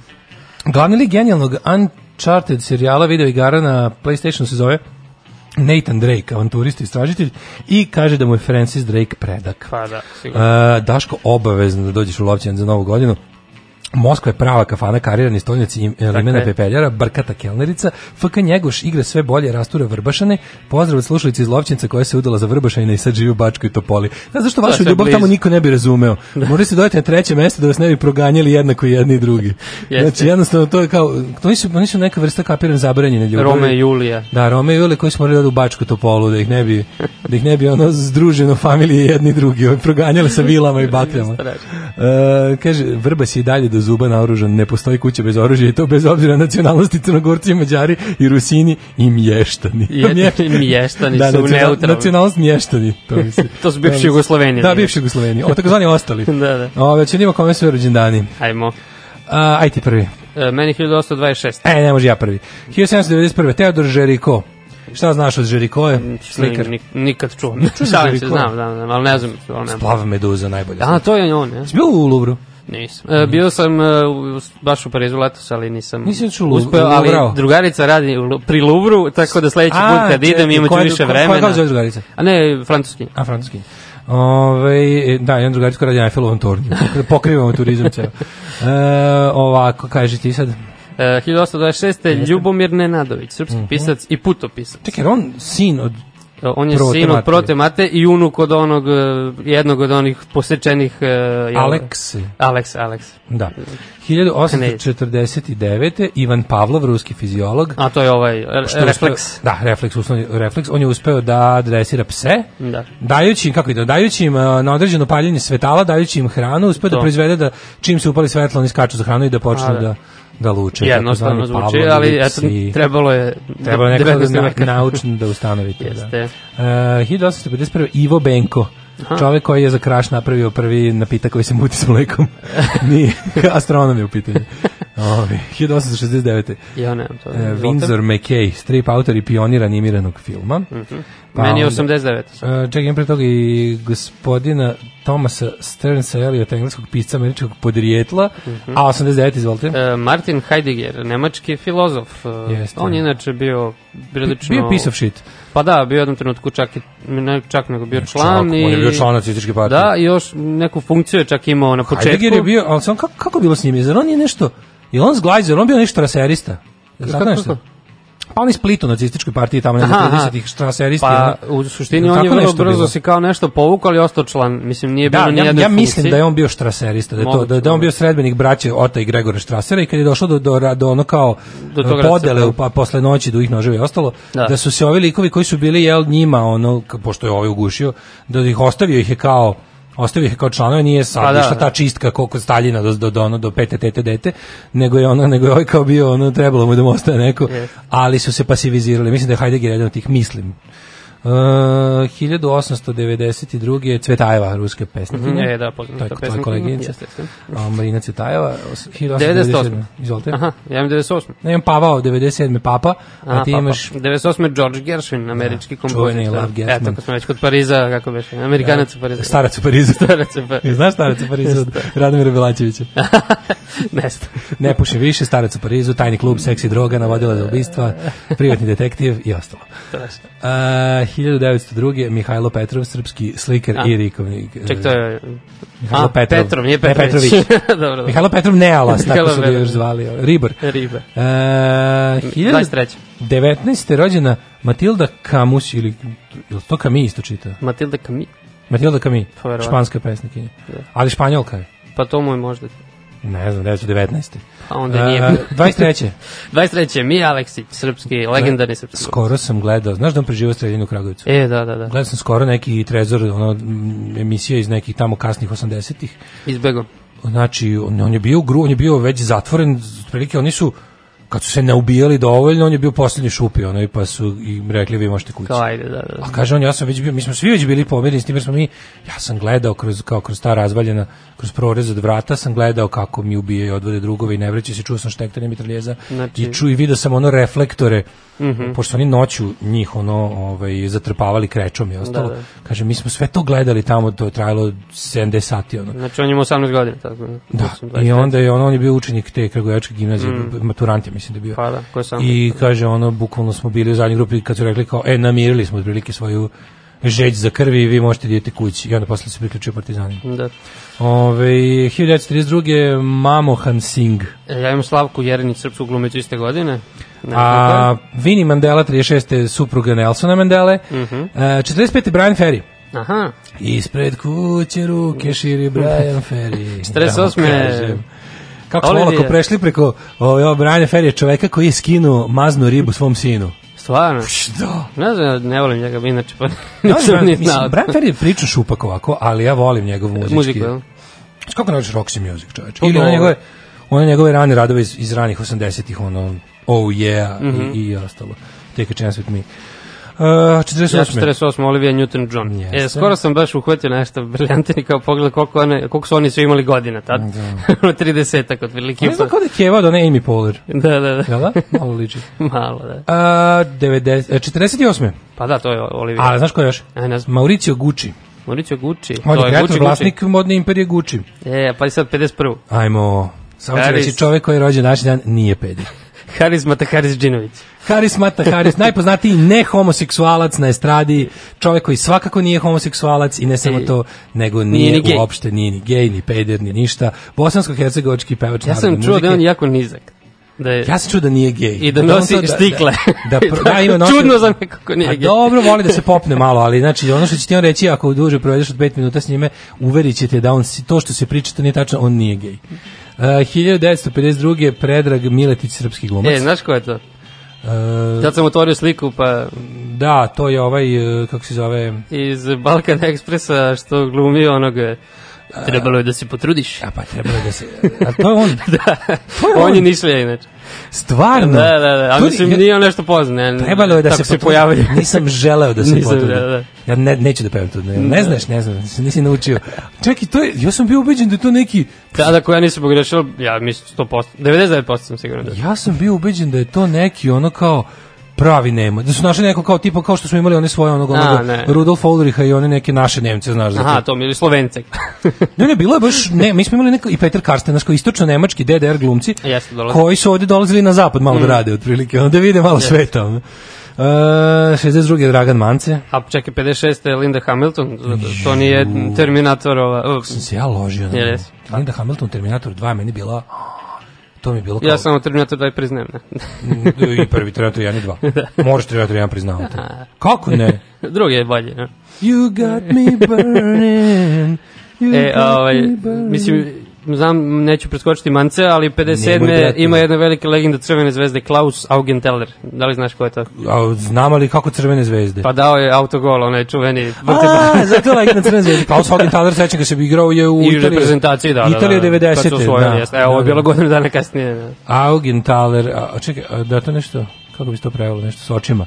Ovaj, da, Manci 62. Manci 62. je prerano uh, poginuli, poginuli legendarni napadač piše, Partizana. Piše ovde Idol Grobara. Idol Grobara, jeste. Uh, Bruno Akrapović, bosansko hercegovački fudbaler, pa onda Mihail Balak, Mm. Balać. Balać. E, Ivana Mrvaljević, Aledin Jahija, tunižanski futbaler i Serena, Serena Williams. Pa verovatno najbolja, ili bar najtrofejnija tenisirka svih vremena. Da, najbolja tenisirkinjenja svih vremena. Ako je umrla na današnji dan, da čujemo. E, ajmo da vidimo. Samo da... No, Miloš Obrenović, 1860. E, godine. A Đore Držić? E, to, ko je to, Marin? Ne znaš ko je Đore? Đore je, sad ti kažem, on je Đore i Marin Držić su Mislim da su oni otac i sin. Jel? A sa koje tu komišta? Koje godine je umro? 1501. E pa onda bi trebao da bude otac, ja mislim da je Marin Otac da malo je 16. vekovni Ako se da, ne varam, da. autor. E, rekao si Miloš Obrenić, kojeg od skoro smo učili da zove Miloš Veliki. Pa onda, 1902. umro Levi Strauss. Aha. Da li znaš, to je Lub Strauss, nemačko, američki industrijac i tvorac džinsa. Aha. Gospodin Levi, po njemu Levi Jeans. Le, e, sad, on se, da, on se družio sa drugim likom, znači fore on, on je prodavao tekstil, I upoznao je drug jednog kako kovača. Taj drugi bio kovač i taj smislio da na ovim eh, na ranjivim delovima odeće koje se primetilo kada kauboj i ovi što hendluju stoku i goveda i ostalo, da im se primetio da im najčešće otkaže, da imaju takozvani wardrobe malfunction. Iskonta da bi to trebalo to jačati, prvi put je tada neko odlučio da spoji jel, ono kao metal i tekstil. To, to, sad kad pričaš kao da mi se, kao da sam da, već slušao. Da, da, da to jeste legenda, ono, ni, to nije legenda, to, je, da, to jeste, priča. tako su da. nastale te kao robusne hmm. ovaj, e, farmerice koje su na neki način radna uniforma kauboja. O, mislim kauboja u smislu baš stočara. Da, da. O, I kopača zlata i kopača A, zlata, pa, pa, se isto od, od, od, te ono kao... Aktualno. jeste. Uh, e, 1911. Andrija Fijan, hrvatski glumac i reditelj. Ja do 45. nemam nikog. Nemaš ni Augusta Makija, nemačkog, Mačkija, uh, e, Mačkija namik, nemački slikar, pa onda Edgar Degas, e, pa Bessie Smith, pa Walter, nemaš Waltera Benjamina. Ne, tek Be, 40... Waltera Benjamina. Benjamin. 45. Bela Bartok, Bela mađarski Bartok. kompozitor i yes, pijanista. Hugh Lofting, britanski knjiženik, umro 47. Eh, Augustin Čičić, 55. književni kritičar, Lavoslav Ružička. Ružička, švajcarski hemičar. On je švicarski hemičar. 76. On je, uh, rođen je u, ja mislim, kraljevini Srba, Hrvata. Može ne, može i pre rođen čak. Pa ne, ne, pre, pre, pre, pre, pre. Piše rođen 1887. Ne, pre, onda rođen još da. Hrvatskoj. U Hrvatskoj. Uh, u Zrugarskoj. 1988. Branko Ko Zebec. Zebec, jugoslovenski hrvatski mm futbaler, znači legenda Partizana, ali prešao u Crvenu zvezdu, jedan od prvih koji su to radili. Pa je onda bio legenda u Crvenoj zvezdi. Pa kratko igra zvezdi, ali posle bio i odličan trener u Bayernu i u Nemačkoj generalno. Na, na Umro 88. Karijeru. Alberto Moravija, književnik. E, moram da priznam da nisam čitao ništa od Moravije, ne znam da to sramota, ali... E, to je e, Južna Moravija, hvala Velika dosta. Moravija. Jedni ga hvale, drugi žali, treći kaže, e, moj Alberto. Bolje Božidar Groše, hrvatski violinist, čuveni. E, 2002. Brana Petrović, srpski pesnik i novinar. E, Brana Petrović divan, da. da pa da, onda ovako, ovaj, da li znaš ko je gospodin Mihajlo Viktorović? E, to je, znam, znam, čekaj, čekaj, to je iz boljih života. Koji? Ciganović. Ciganović, tako je. Glumio Popaja, mislim, ovaj stari e, da zna pa, kao Popaja. Mislim davao glas, jel? 2008. umro Paul Newman. E, Paul Newman, čoveč. Da, da. A, da me neko pitao. Pazi, Gloria Stewart 2010. i 2011. Sergio Bonelli, a, italijanski je... strip izdavač, znači editore Bonelli, SPA, Milan, ovaj, strip, svi stripovi. Tex Miller. Znači sva ta dnevnikovsko forumska ekipa, odnosno Zlatna serija Luna Magnus mm -hmm. sve do jednog zapravo licenca od Sergio Bonelli kompanije, a mi slušamo grupu Bauhaus i pesmu posvećenu Maj Nikolić, She's in Parties, ona je u partijama. Uh. Dekonstruktivna i estetska hirurgija. Mizerere. Mizerere. Iskoristite naše sniženje na povećanje zadnjice, prednjice, usta, skraćenje i sužavanje ušiju. Letnja ponuda. Letnja ponuda. Penis ko na internetu. Mizerere. Mizerere. U mirnom delu Starih Banovaca.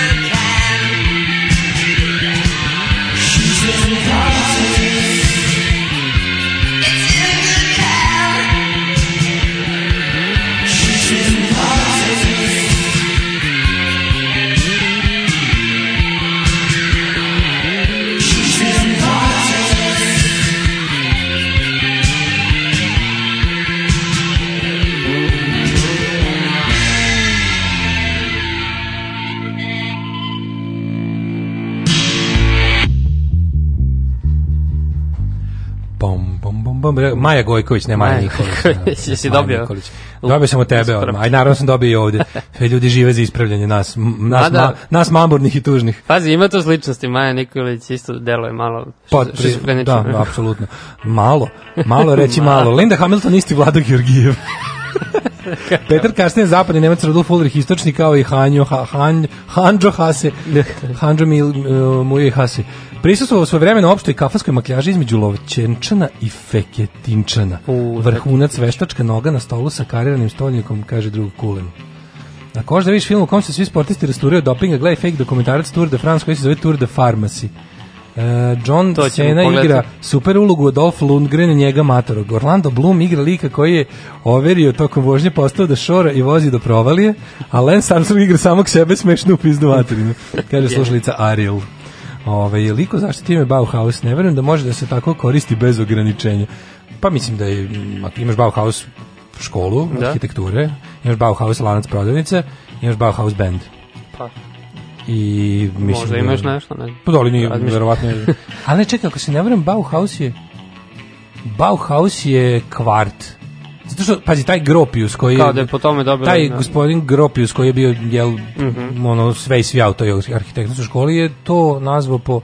Mislim da, mislim kvartu. da je Bauhaus kvart. Moguće, moguće. Mislim, prvo je, prvo je bila škola. Da. Prvo je bila škola. Ove, hoćemo da vidimo kako nas vreme očekuje. Ajmo. Ajde.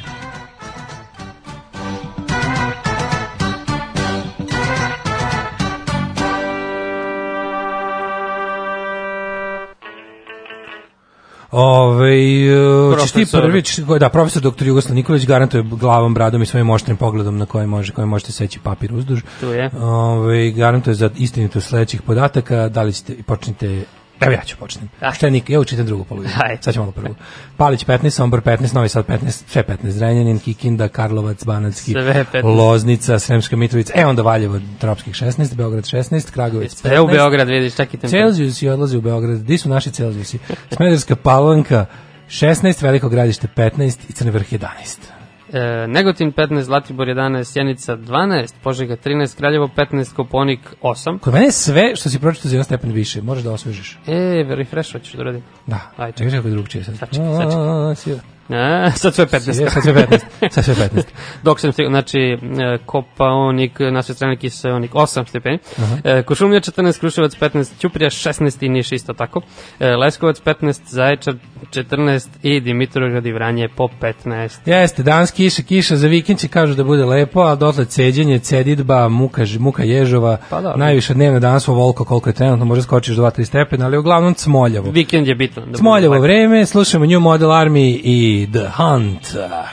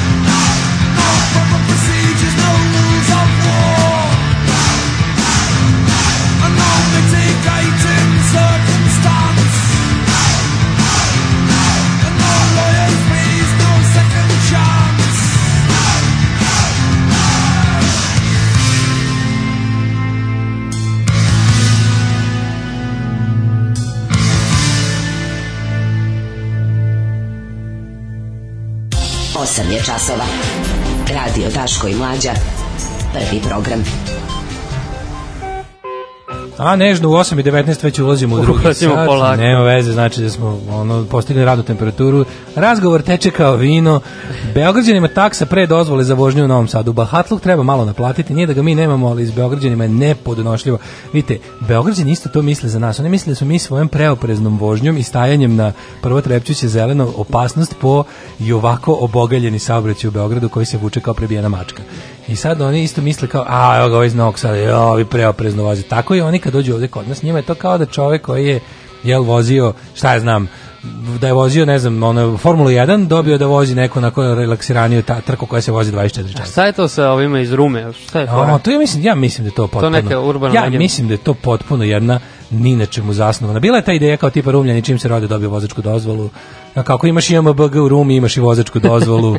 Znaš, tako bili pokvareni su ljudi da, često da, da. i kao ne znaju da kao kad vidiš ovog iz Rume, udalji se 200 metara s bilo koje strane. Da, da, da. Znaš, kao ako ide iza tebe, daj gaz da bude dalje iza tebe, ako ide ispred tebe, uspori da bude što dalje ispred tebe. A pa ču, mislim, ja nisam vozač, pa nisam toliko u kući. Ne, ne, Ali da, pa kako si to da- muškarac? Ne, pa šta, šta ću, ne, ne, nit muževan glas, nit, nit ništa. Ja. Evo, skonto sam, mislim, uh, mislim da ovaj, ovaj vaš mikrofon doda još dodatno nešto na, šta? oduzima muževnost još više. Ne, da još nešto, malo nešto da- farinalizira, da malo farinalizacija. Malo, da, da. Pa ne znam šta, ja mislim da to nije to, nego uvijek kad sebe čuješ sa strane dobiješ još, još, još te opadnu bruce, što bi se reklo. ne, obrutaš. Feketić i lovćenac u zakleti neprijatelji. Lovšinac, nacionalni sastav 103, 103% Milogorci, kako volim taj izraz. E, kaže, kaže ovako, 100, 103% Crnogorci, 165 kretena, Feketić, 13% Srba, 50% Mađara, 83% normalnih, 20% Bokelja. Majko Mila, ovil, ovaj, ja, ja, ja obožavam taj ovaj Ja volim baš taj kraj, ne znam. Obož, ja isto, meni, meni to tako sve dobro. To kad čujem, znaš, ono kao, kao mesta po Vojvodini, gde znaš kao ljudi koji tu žive u tom kraju, kao crvenka, crvenka, to ti je Bosna. Kao, kruščić, kru, kruščić, to ti je glamoč. Znaš, kao, koje god mesto čuješ, on to, da, ta, kao tamo nema, kao imaš, ne znam, ovo mesto, da tamo su kao starosedeoci. Dobro, često idu mali iđu, što je tu sve, mali dođeš. sve blizu, da, mali dođeš, dođeš da tamo. Meni to sve tako nekako skroz super. Jeste. Ove, uh, e, otvaramo novine. Ajmo. Otvaramo novine. Ja imam, pazi, Blic je, na, Blic je otkrio nešto neverovatno. Da. Blic je otkrio mračne tajne gradonačelika Leskovca. On najveći, da. najbahatijih seljačine posle, ja mislim, s ovu stranu Jutke. Pa, poslednjih 15 stranu, godina tamo jašta. Ja majko, Mila, Lesko, Mesko, ono, gradonačelnik da, Leskovca. Prestionica, Roštilja. E, Prestionica, Roštilja. Znači, to je čovjek živa karikatura. Ali sve kako ima taj neki... Spremetio da kod tih ljudi koji su tako... Mislim, pogledaj ovo. Lokalni moćnik osuđivan za nasilje, pucao je udarao drškom pištolja i šutirao svoju žrtvu ženu čiji su ime i identitet poznati našoj redakciji. Oh, yeah. Znači kad moraš da, znaš kak, kak je to, kakav je to, ovaj, kako bih nazvao, ono, međed glupi koji mora da, koji, koji, koji ovako hendluje, ovaj, kako bih rekao, žensku kritiku njegovog lika i dela. Užas. Što je baš, znaš, ono, ovo su, ovo su odlike za zatvor. Ne, da, moguće da su za kod ozbiljan zatvor. Znaš, da. ali moguće da su kod nas ljudi, ba, da je kod nas baš takav bizarro world. Znaš, ono kao negdje, svugdje u svetu se desi, recimo, da je kao da čovek koji bi trebalo da je preoličenje ovakog ili onakvog morala ili neke funkcije ili nešto, da je onako kao malo lošuckast. Mm -hmm. A kod nas ono baš, znaš, ovo, ovo je baš stoka, razumiješ? Baš je baš as, antisocijalni element. Da, da. Znači, čovek koji je ovo radio, bi trebalo da ima teškoće pri zapošljavanju u putarskom preduzeću kao ono izlivač bitumena, da, a ne ono... Ne, da, ne, ne, ne, To mi je potpuno nevjerojatno, su ti, da baš ono, kao da ih biraju patološki slučajeve neke. Ono. Pa ja da, mislim da je ta selekcija sad došla do nekog vrhunca, ta negativna selekcija sad stiže tu. Mislim, znaš, ono, te čovjek je, a sve kako ima, ima bizaran hobi, on voli da uređuje baštu. Znaš da to? to idemo. a možda pričati mi njemu posle, još malo zaslužio čovjek, mislim, da. ovakvi nastup. Ja daži? imam, ovaj, Kurir nastavlja sa m, mm, e, prozivanjem e, ove pozicije, to je SPS-a, Kaže, Dačić je prvo cirkus majstor, pa tek onda šef diplomatije, tako da se bavi Dačićem. otkud Dačićem. To, otkud sad taj Trouble in Paradise? Nešto se, da, da, da. Mrdo se. Nazdravlje. Hvala. E, onda imamo smenu Trumpa, glavna svetska vest, e, probo, pro, ne, pro, probaju kao... Probo ženi srce pa se obesio. Gotovo. Aha, pa u pa Beloj Palanci mm, nastavlja da, se da, užas. Da, ubijena je još jedna žena, ne znam koja je početka godine, tako da to je statistika koja ne jenjava. Da. A na naslovnoj strani baš o udarno je ovaj dosije Farmakom. Kako je Bogićević opljačkao 45 milijardi? E, Marija Lukić dobila nagradu osvajanje slobode. Nikad se nisam osjećala neslobodnije. Idemo ovaj, da slušamo malo muzike, pa se vraćamo da bistrimo ovo sve. Šta je šljunkare? Gdje ste to krenule? Šta je? Šta hoćete od nas? Bil volila da znaš? A, Fuksu, šta ti gledaš, jel? Alarm sa mlađom i Daškom.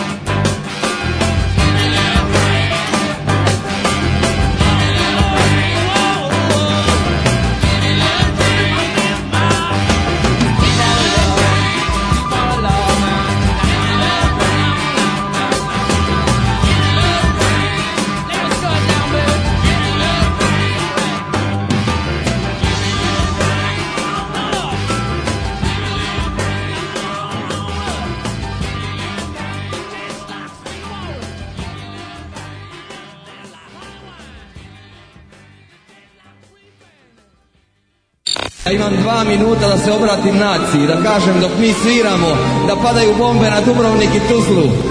Nećemo da zabavljamo biračko tijelo. Jebe vam mater!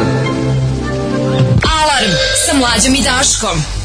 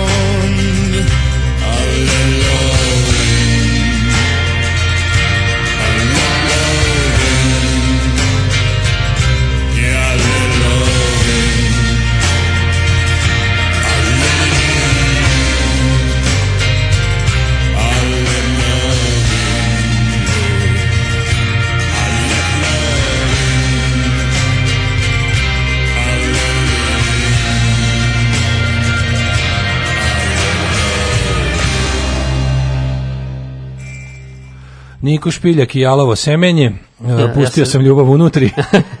pustio sam ljubav da uđe unutri.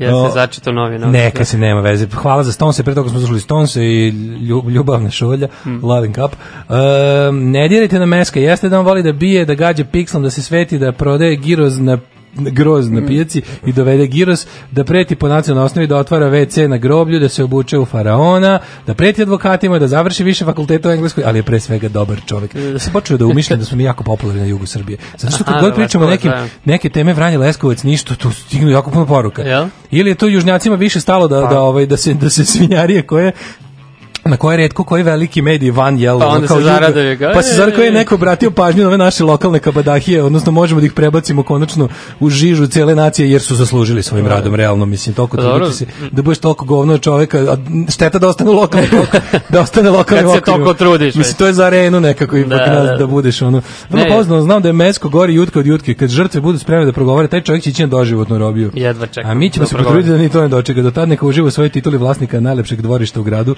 mam mamu mu jebemo odvratno.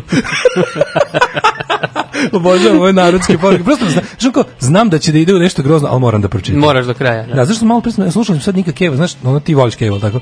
Da. E, ovi, ovi, ovi, ovaj, ovo su likovi iz pesme Nika Keva. Znaš, ovo lik koji je ono, našao se u ovom iz baru u trenutku kad je... A samo nije, nije toliko baš ja, inspirativan. Pa da, ne, ima on te, kako, znaš, recimo Kevovi oni albumi tipa, Znaš, on iz 90-ih, mm -hmm. oni likovi koje, koje glavni onak na kraju iz bode, bode. Da, da, da pa mislim, ono, njemu su inspiracija ti kao... Ti kao, lo, on ima baš to kao... Veka, ti znaš da je on, ono, da Kijev je u fazonu kao lokalni moćnik, ja sam tu došao, jes da imam samo britvu, ono, u džepu, ali, e. ono, znaš, kao, i, i, ali sam ga sredio. E, ovo je tako baš kao, znaš, kad bi mladi Nick Cave do, dojahao na, na, ne znam, svom atu u, u Leskovac, u Leskovac 1903. recimo, i zatekne, ono, Gorana Cvetanovića. Jel, pazi, Leskovac tom... uopšte nije mali grad, ali pa Leskovac pa nije mali grad, peti grad u Srbiji, mislim, nije više stanovnika nego Subotica. Sad, no, Leskovac je veći. Da je po broju stanovnika. Srpski, srpski Manchester. Srpski Manchester, da. da. Da, Manchester zove engleski da.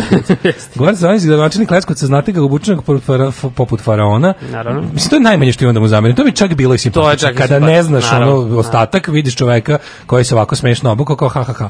A kad vidiš da taj čovjek zapravo i ponaša kao faraon, Njegov paralelni život se najkraće može pisati kao dosije jednog nasilnika. To nije paralelni život.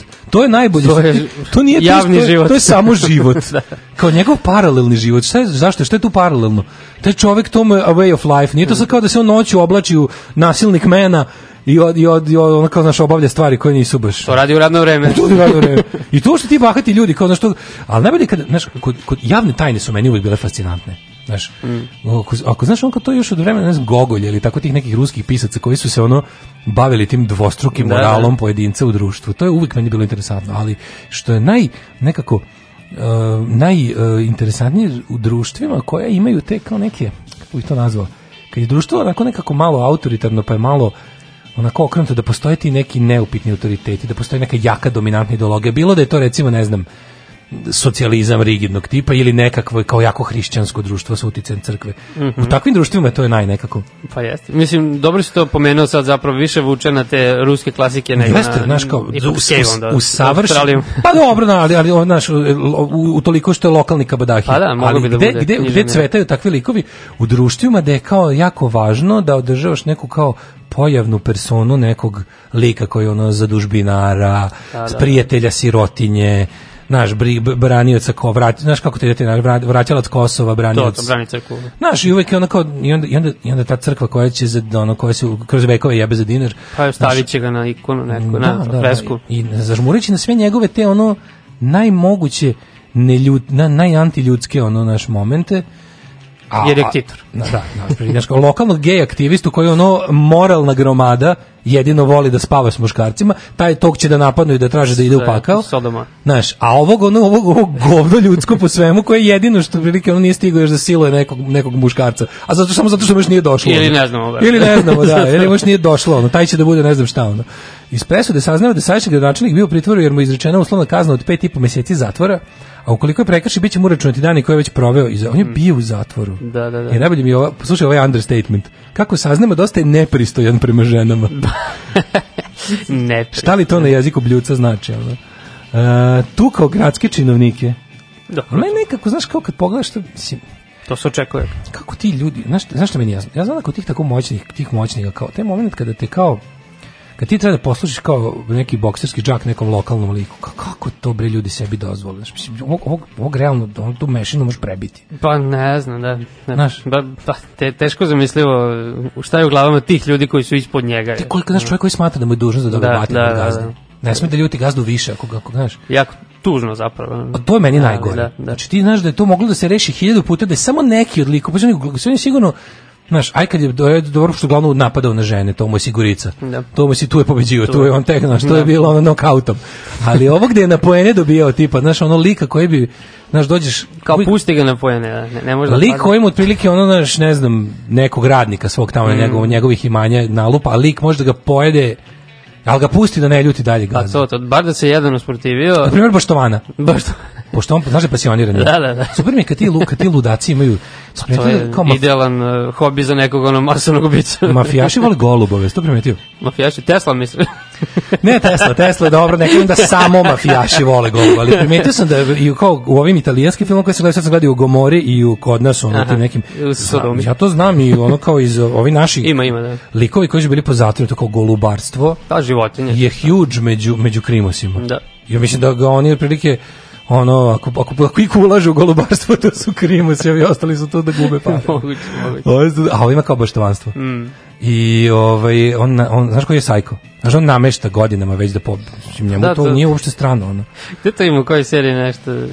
Pa to mi je tako baš kao neka, ono neka, liga džentlmena. Da, da, ne, neka britanska ima tako. baš mi je ono nekako ludački. Da, kako se zove, Ro, Royston Vezi. Aha, se sećaš te da, serije? Da, da. ono neko mesto u paralelnom, Ma, ono, da, gde, živ, gde su svi ludi. Da. E, pa ovo mi je baš tako. Mislim, ne kažem da su Leskovcu svi ljudi, nego ludi gradonačelnik čin izluđuje ostalo. Jeste, jeste. Lik koji namešta takmičenje u baštovanstvu sebi svake godine i onda svake godine dodeli sebi pehar i strašno on ili mama, ko pobedi? Pa on kod mame uređuje baštu. Kao to, to je mamina bašta, ali mami. on je baštovan. To, to, to. On je gardener. Znaš. Da, da, da idealno, idealno. To je baš kao neki ono, Znaš, to, tu treba neki volter. E pa, si gledao, ti si pominjao Mindhuntera, ovaj, da, seriju. Da, e pa da. mislim, to je baš kao, ide, i, to je taj profil, ono. Yes. da, da, da, da, serijskog. Da. Taj odnos, da, da, da, da serijskog, da, da, da, da, mislim, da. Kako zove onaj film da je, izvešte, dosije Pelikan, sveći tog filma? Ne. Da je otprilike predsjednik Amerike, ono, ubica, samo se to krije. U, ne znam. Dosta sajko. Mislim, to je bilo posle u House of Cards, ali... Da, da, da, da, pa mogao bi da prođe. Ovo je, ovo, ovo je baš, znaš, kao da neki... Zašto sad kod nas... To je kod nas nemoguće, znaš, kad je mala zemlja, kad je tako... Da. A pa kako to ide, idealan film? Mm. Idealan, mali, akcioni film da se snimi. Lesko o liku koji dolazi u, u što pa ne mora da nek dođe u mesto Gornje moje Mojmilovo nek se izmisli. Pa kako to taj film se sam snima? O nekom super liku koji neka ljubavna priča, dođe, zaljubi se u neku cicu koja ne može, koja je u kanđama lokalnog jutke mm -hmm. i onda neki I krene da, da, bude. Što ne bi snimili jedan domaći srpski film u liku koji je izrokao? Osvetnik. Osvetno, Last Man Standing u, u u, u, u Brusu. Ko bi to glumio? Mislim, ne da on bude u Brusu, nego... A pa ne, ne Miloš Biković, ne povijem. Neko lepo. Neko od ovih mlađih, da. Neko tih frajer, frajer, frajerković neki. I da snimimo takav jedan film, to bi baš bilo super. Može ovaj iz Senki na Balkanu. E, može taj pleti, kako zove, kako zove taj glumac? Pa, Evo ga. Mislim da je Pletikos. Treći film, to bi svi gledali. Da, da, da. Film ono, o, o, ono, u toj neko, od, lik dolazi, shvata da je mesto izlovno, da ga ovaj drži ono kao sistemom korupcije to. i terorisanja, ali da se na kraju završi nekim ono, o, o što rekli, neki Tarantino da bude. to, kog Nick Cave, ova O'Malley's da, da, da, da, bar, može. da se tako završi. Slušamo a, Idejne nemire i pesmu Bombe i bomboni. Za sirotinju celog sveta.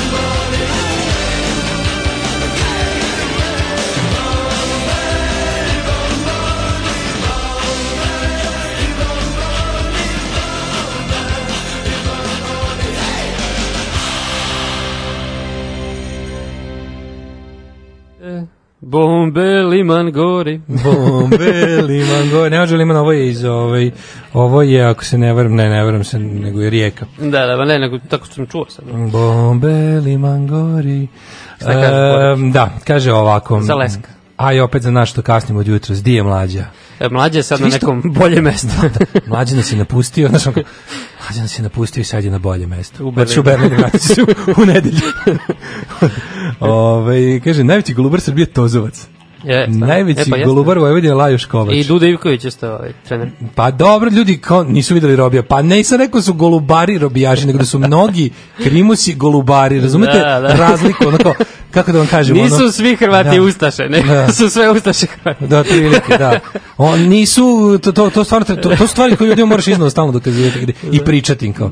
Znate, nije, nije svaki nije svaki ovaj rock punk, ali je svaki punk e, rock. Ne, da, da. Rekao tako da kažem. Rekao, začuđujuće mnogo, znači u, u, kraju, ne znam, ono kao znam likova iz, u jedan kraju u Beogradu, znam graju u Novom Sadu, gde su on kao golubari, naravno da nisu, ali likovi koji su ono... Jeste, kad radim se bi kod mene u starom komšiluku je bio jedan isto. Golo, je bio, isto je volao golubari. Kojih je bio, kakvih je bio moralnih skrupula? Pa mislim nije bio sad neki, ono, ali je bio neki... glavni, ali jeste. E, bio. E, vidiš. Imao problema sa zakonom. Naopako, mislim, rekao su golubari, ono da, da. Ove, ovaj, uh, kaže ovako, nikad ranije nisam slušao o čemu peva ove pesme, uvijek sam razumeo gumeni bomboni. Eto, gumeni bomboni. Gumeni bomboni. Kad sam se zaključio, da ću slušati babice, Babići Lukasa u podcastu ili tek sledi. Yeah. Ove, ovaj, um, uh, kaže, takva menšina obično idu s trojicom grmalja, tako, pa tako spreče da ga šljaker da izlomi.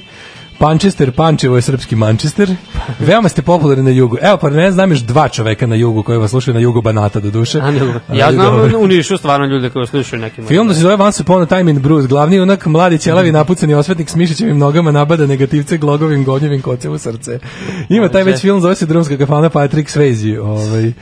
E, rešava e, ove lokalnog moćnika. Znamo li nama treba taj, treba nam treba nam lokalizacija Jeste. cele stvari. Šta se na našo lepo kurir ne voli pa, Dačića. Kurir da nešto sad udario na Dačića, nastavio se to, vidim piše, pazi ovako, analiza. A tekst ima tri pasusa i jednu izjavu Đuke još od nekog lika, ostalo su uvek kao kolaže njegove blamovi neke slike. A otkud sad to?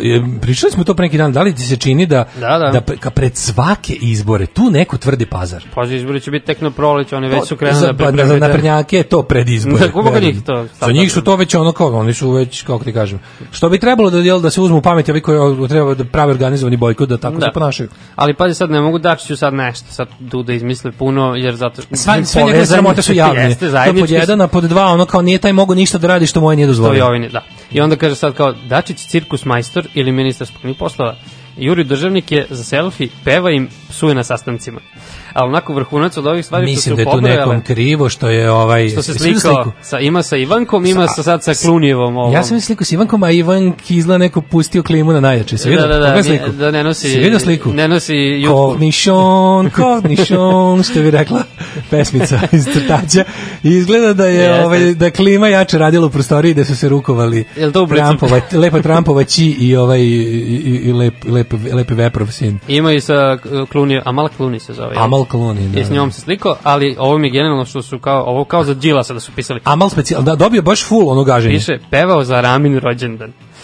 na svečanoj večeri u Parizu koju je organizovao François Hollande, Dačić je, pre tri godine, e, Dačić je albanski premijer Redi Rama, koji je tada slavio rođendan, zamolio da mu nešto otpeva. A On je pevao o Sole Mio i Santa Lucia. Ali to je, znaš, ono kao, meni je neverovatno, znaš šta meni to nije, da li je to kao, Priznam da bi voleo, priznam da bi voleo da da imam malo ono kako da da budem što bi se reklo muva na zidu kad su da, da, da, da, ja vidim kako to on doživljava. Taj Jeldačić kao u fazonu Da mu imponuje ili je to kao radi? zajebava kao što se ja, ono, kao što se mlađi ja kad jedan drugog tovarimo za iste stvari, on tipa godinama, da, da. kad, da. kad se priča o Vukovima s Golije, ja pristajem da, da pristajem da, da ispadne sam lagao, a stvarno nisam lagao, ali zbog dobro, dobrog fazona sam, evo izvoli, sam priznao da ovo. Ovaj. Dobro. Znaš, ali sam, evo možeš da zadržiš da, da, jedan, ako nemam naviku. Nek bude s ove strane. Možeš, nek bude s te strane. Nek malo bude s te strane stola. Dobro. Nek bude uvijek da nisam ja. Da, da. Ove, znaš, uvijek kada je, kada je ovaj tako nešto, znaš, da li Dačić, primjer, zna da je on kao, da se sprda s tim ili, ali meni se čini da on stvarno misli da lepo peva. Da, da, da. I to me zabrinjava da li mu imponuje kad mu naruče to nešto ili on to kao odradi žrtvuje se, on to se žrtvuje za Srbiju. Da li, da li on zna da je to kao sranje, da je, on, da je to samo smešno? Da, da li zna I to da čak je, je više nije smešno, da, nego, da. da li zna da kao da, sad ćemo se izmajmuniše kao Manki, što... Da Kaš kao što ono bi neko iz Ebancije kad bi igrali fudbal rekao je, dodaj da malo dašku da bude smešno. Znaš da bude malo smešno. Ono, kao, ja i onda se ja kao majmun ono trčim i kao daj da meni. I onda padnem iz blamiram. Kao ga sam sam promašim, šutnem u prazno ili padnem preko lopte da, da, i onda to bude svima kao a znam, namerno su dodali meni jer su ono na 6:0 je. Na 6:0 da se malo da se razonodim, da, znaš. E, da li da li on kao da li on u momentima kad je sve rešeno, kao kad se već malo razgaće atmosfera, sa što ja vidim on kad peva, to kad postoje snimci njegove on, on, on to kao pristupi tome kao Pavarotti. Da, da, Zvezda Granda. zvezda Granda, da, da, da, i onda me zanima. Ali čudi me, viš kako su ga, šta još ima, ovi, ovaj, su, kad, krenu, kad krenu te vezuju sa tim. Pa ono pa to kao upao neprilike zbog slabog engleskog, eh, Jurio Trumpa da mu pokaže slike, to se sećaš isto. Eh, Psovao pred Catherine Nešton. A, zadnje je bilo ono, bilo je zadnje ono, isto to mi isto, to mi bilo iznerviralo kad se, kad se, to me užasno nerviralo. Kad imaš dobar zicer, na primjer, jedno od tih režimlija napravi neku svinjariju, ali kao opozicim internet aktivistima to nije do dosta samo po sebi, pa ga nakite i preteraju i upropaste sve. Bilo da, ono da. kad je zato što je bilo ono kad je e, predstavljali su novog ovog e, nekog izaslanika za da naše to pitanje mm -hmm. i onda on rekao da li šta očekujete rekao pa njega ne očekujemo mnogo ali očekujemo njegove supruge jer naš jer ja, ona kao da, da, da odavde da, da, ja. naš, mislim nije to bilo tako bilo je onako nje možda nije bilo baš protokolarno ali nije bilo kako su nama kao, ja sam to gledao na Twitteru u ono prilike u izdanju aktivista Jeremićeve stranke koji su da, napravili da li očekujete nešto od njega on rekao ne očekujemo od njega ništa ali očekujemo od njegove supruge I kao tu presekli. Aha, kao, I sad ti misliš da je to ovaj rekao i da je onda kao jebote koja seljačina. Da, da, da. Znači, nemojte naceljačivati Dačića, pošto je već pre toga imao, pre toga je imao ekspoze koji je bio pun blamova da, i, i da. pun, ono, pun, pun neprijatnosti. Ne bilo stavili potrebno. napred dno ili nešto? Šta stavili? pa ti na A, da, da, stavili. Da, kao, napred dno. Dotakli smo dno. Ja, to je, to, ja to se zove murarizam. Ja bi to, ja bi to osudio kao vid saradnje s režimom. Mislim, toliko nabacivati, to je bukvalno kao da im uzmeš i opereš ih Znaš kao, on su pričali, dokaže se, ne, van svaki su vidio neko ukru 100.000, ti kažeš on je ukru 300. Da, I onda kad ovaj dokaže da nije ukru 300, ispadne da nije ukru ni 100. Često to radi, jeste. To često radi, to je tako, to je rafal u nogu, ono. Ali ovo zašto, zanima me... Ali primetio sam da sad su pustili te kao šormaza i ostalo, znaš, da napadaju SPS i Pups i Palmu, i sada vidim Palma ima odgovor za šormaza, to moram da ti počitam. E, super mi što je Palma lojal, pa, Palma je prvo lojalan Dačić. Lojalan Dačić. Voli on Vučić, to je, sećaš da je bio prošle nedelje fajt u Skupštini. Da, da, da, pa zato, to, kad je ovaj... to je nastavak očigledno. Aha, aha, kad je Palma vama rekao kao ono, naša, naš, naš kao dobar, u, koji dobar, kao u njegovim očima, dobar ugled u svetu trenutnik, gde smo, pošto oni samo tvrde kako smo mi trenutno hit u svetu. Se hitmo kao i ono smešni klipovi s cigama, je tako smo hit. I onda ona kao mi smo hit, to je zahvaljujući kao dobroj diplomatiji da, da, mog da. prijatelja Ivice. Jeste. A onda ovi, ovi su bili u fazonu prinjaci kao, ne može u ovom domu da se hvali bilo ko osim glavnog. Zvod prilike, pa I šta da, se nastavi, šta rekao? Ne, sad oni nastavili prepucavanje, pošto kao niži sloj šormaz može na šormaze udari, kaže, Dragan Šormaz je sebi dao za pravo da prokomentariše rad SPS i njenog predsednika Ivice Dačića. Znak pitanja. Ste vi normalni? Dragan Šormaz je kao stari pocipani šporet kom je izgorila i redna i furna i nalazi se na otpadu. Ko će da kupi taj šporet toliko pocepan? Ajde kako to, ajde sad ono kao, da, da analiziramo kako ovo. Kako je to cripple znači, njegov, fight? Njegova debilska metafora, kao prvo što on uzeo, ja tačno zamišljam kako je to u njegovoj glavi uvreda, ali ko će da kupi, da razumiješ, šta je za palmu pa, vrhunski kraj svega, šorma, kad više je, niko neće da te, da te kupi. kupi pa da. Kao tipa, kao ja sve što radim u životu, radim da bi se, radim da bi, ko će da te kupi, pa, razumiješ, tako on doživljava kao i u svakom smislu. Pa ne, dobro, šorma nije daleko od istine, kad je šorma za pitanje. Jeste, u upravo je, naravno, imaš šorma. to najgore, ja, sam, ja ovde podržavam palmu. pa da, uvek, to mi, najgore, to mi je da naš, u našoj svakodnevici, po ovoj političkoj, što ti imaš stalno ono kao momente da, da uvuku te jednostavno i onda kada ti kao kad vidiš fight između lupa, ono ne, ne postoji, pošto ja uvek verujem da postoji bolje i gore. Da, da. Znaš, ako morate te ubiju, ubite me puškom, a nemojte me klati. Znaš, da, ono, da. ubićete me svakako, nije dobro, ali dajte, e, tako i ovo, uvek te nekako navedu da u nekom kontekstu ti neko bude po nečemu u tom trenutku bolji. Yes. Znaš, kao, zamišljaš kao šta, da se posveđu sutra Orlić i Martinović. Uh. Znaš, kao, šta bi radio? Pa dobro, Orlić malo lepše. A to bi ti bila kakav si lukista. Slušamo Cure.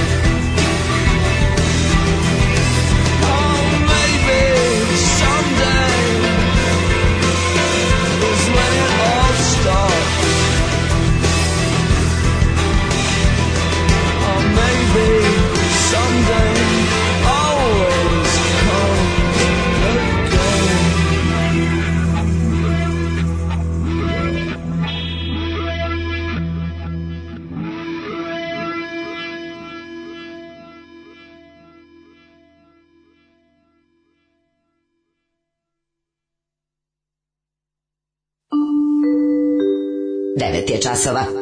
Radio Taško i Mlađa. Prvi program. 9 časova, tačno, boga mi, ja? Da, što kažeš, kakvi smo da, veliki da. profesionalci. Da, da. Da, zato što m, taj treći sat je kratak sat, pogotovo kada ga provedeš u ono, s krvavim ušima. Proleti. Jeste, ovaj, um, kaže ovako, uh, Pustiti te nesrećnike što ne veruju u istinitost tvojih tvrdnji. Ljudi su izme, treba nas bombardovati i napraviti parking. Pozdravi Srema, našem miriškom baronu, Srem ti veruje. E, za zanimljiva vremenska prognoza je bila Ruma i Boleme, a vi ste to izbacili, pravda za Ruma. Pa vratimo ponekad šta hoćete. Ste gledali Velju kako vređu Palmu? Moram reći da sam se uželeo i uvreda pijenog velje. Više ni toga nemam koliko smo sterilni. Šta nas e, je ova vlast naterala da se uželimo? šta nam radi? Da. Ove, ovaj, um, šta se nas spremio za treći sat? Prvo ćemo da krvarimo iz ušiju jer sam ja ponovo malo otišao u podrume. Da. Ja sam teo Važe, uvaliti... u podrume. E, viš, šta si, šta si, teo sam da uvalim Niški ovaj band, ali ti si preglasao. čekaj, sad nisam siguran. A možemo, možemo da rešimo sad. Možemo Ajde ovde. tvoje. Kao, ajde, pošto je Niški. Ajde tvoje, zato što, pazi, ovo je novitet, biće će novitet i sledeće nedelje, ovo niko neće nikad iskopati. A, a ovo je od leta što da, može.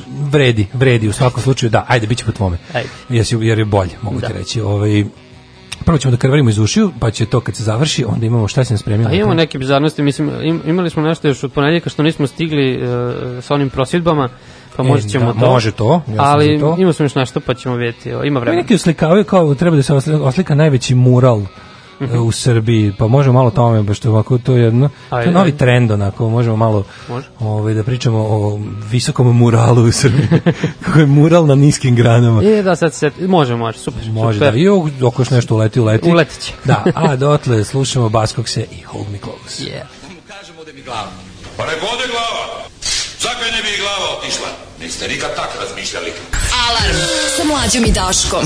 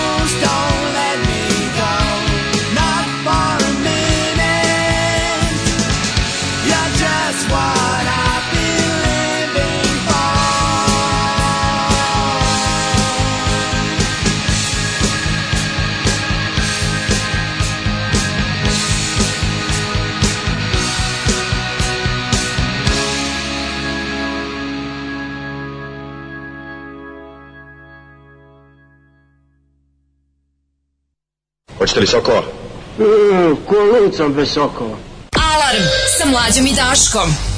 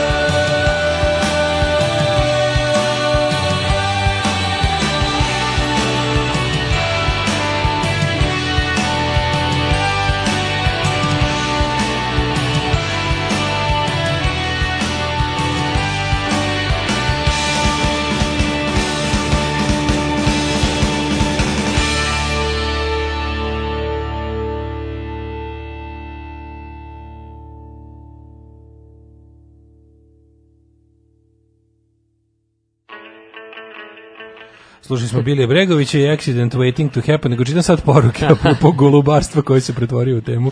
Kaže, pa to da, zašto su kao, oni su često ovaj, jelu tvorzao i onda golub simbol, simbol slobode da, da, i ako da. im se umeđu vremenu dozvoli da imaju neke aktivnosti u zatvoru, onda im dozvole da, to, da. da to rade. Pa Krudi priča kako je, kaže, pre neki primetno lep golub završio kod mene u dvorištu, vidim da je da je veren.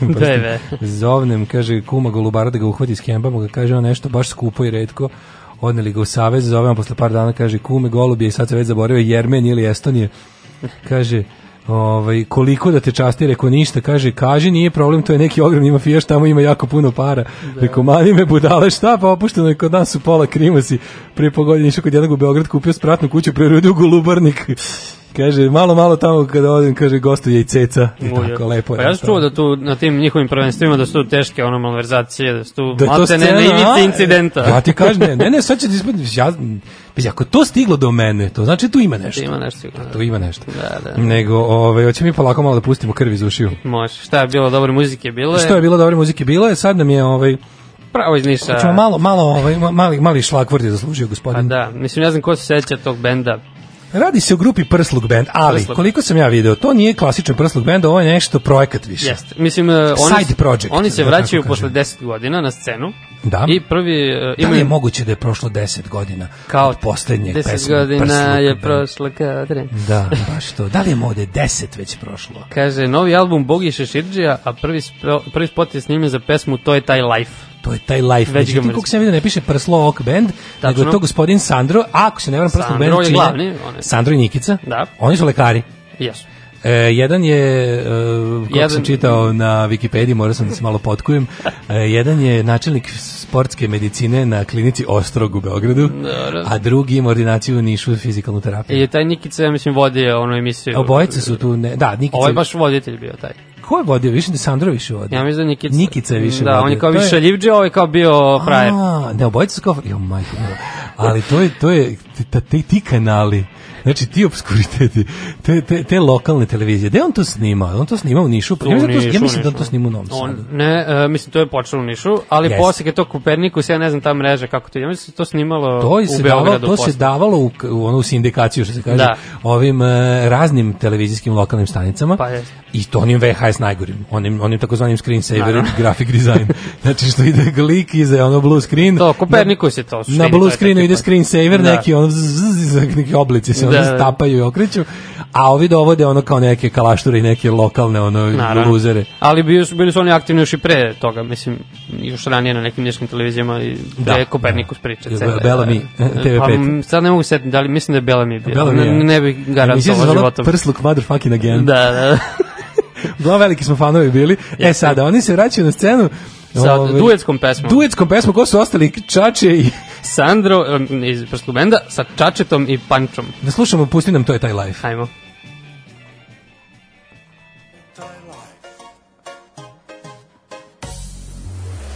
Yeah. Malo smo savremenili. To je sa Čače, ali sve. Evo Čače. pa ne znam ko Čače, ko je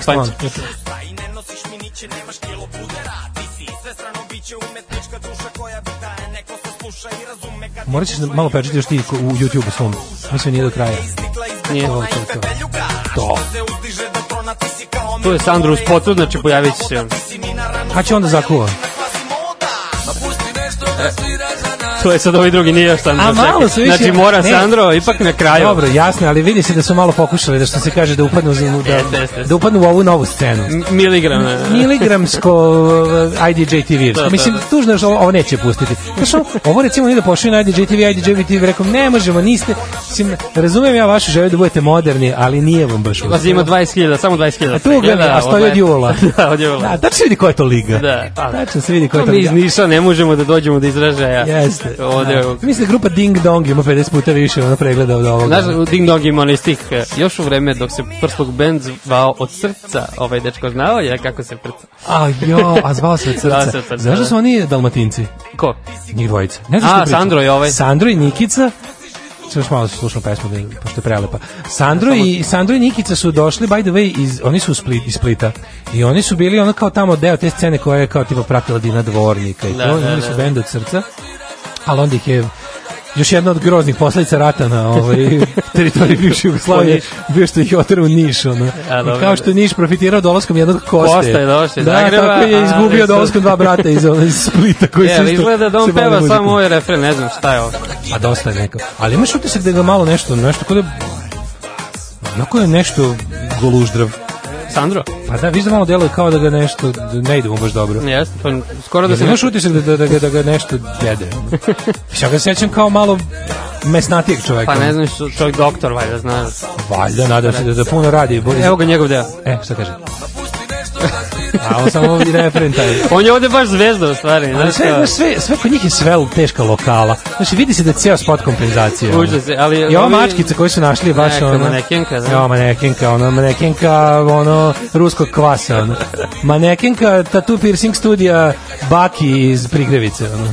Baš je onako teška alternativa. Ono. Ali ovi likovi su ono, možda i stariji, od, bar ovaj jedan stari od Sandra. a pa to mi nije jasno, ko, to su neki, a vidiš da deo sporta snima na nekoj poplavi. Vidiš da gazi, gazi po nekom poplavljenom naselju, baš je težina neka teška. Ono. Pa ja ček, su oni se kao pokušali da se vrate, meni je to, jer su oni kao videli da To je taj life. To, to je, je zaključak. Hvala ti mnogo na ovome. Sandro, motherfucking again. Jesu again. stigle psovke? Sad ćemo da vidimo, a, slušamo za to vreme a, bombe štampu da operemo uši. Topo.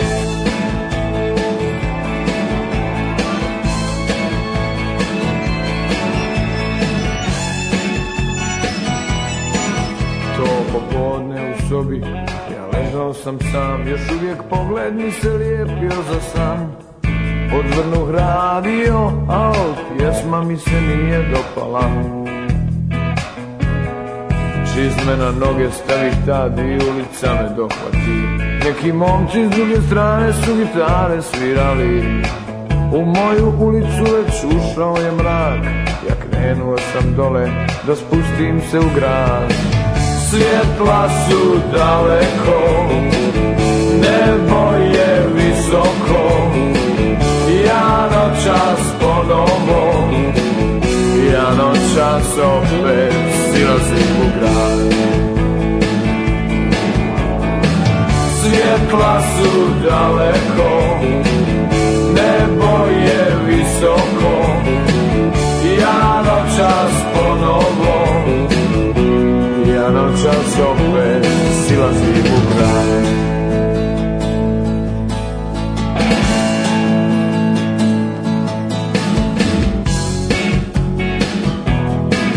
To popodne u sobi ležao sam sam, još uvijek pogled mi se lijepio za san Odvrno gradio, a pjesma mi se nije dobrala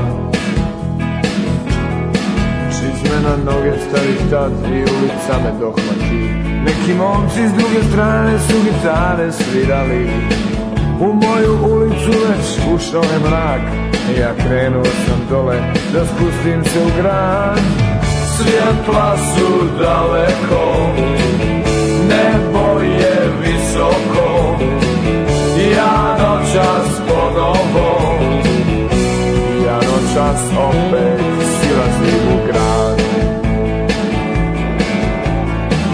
Svjetla su daleko Nebo je visoko Ja noćas ponovo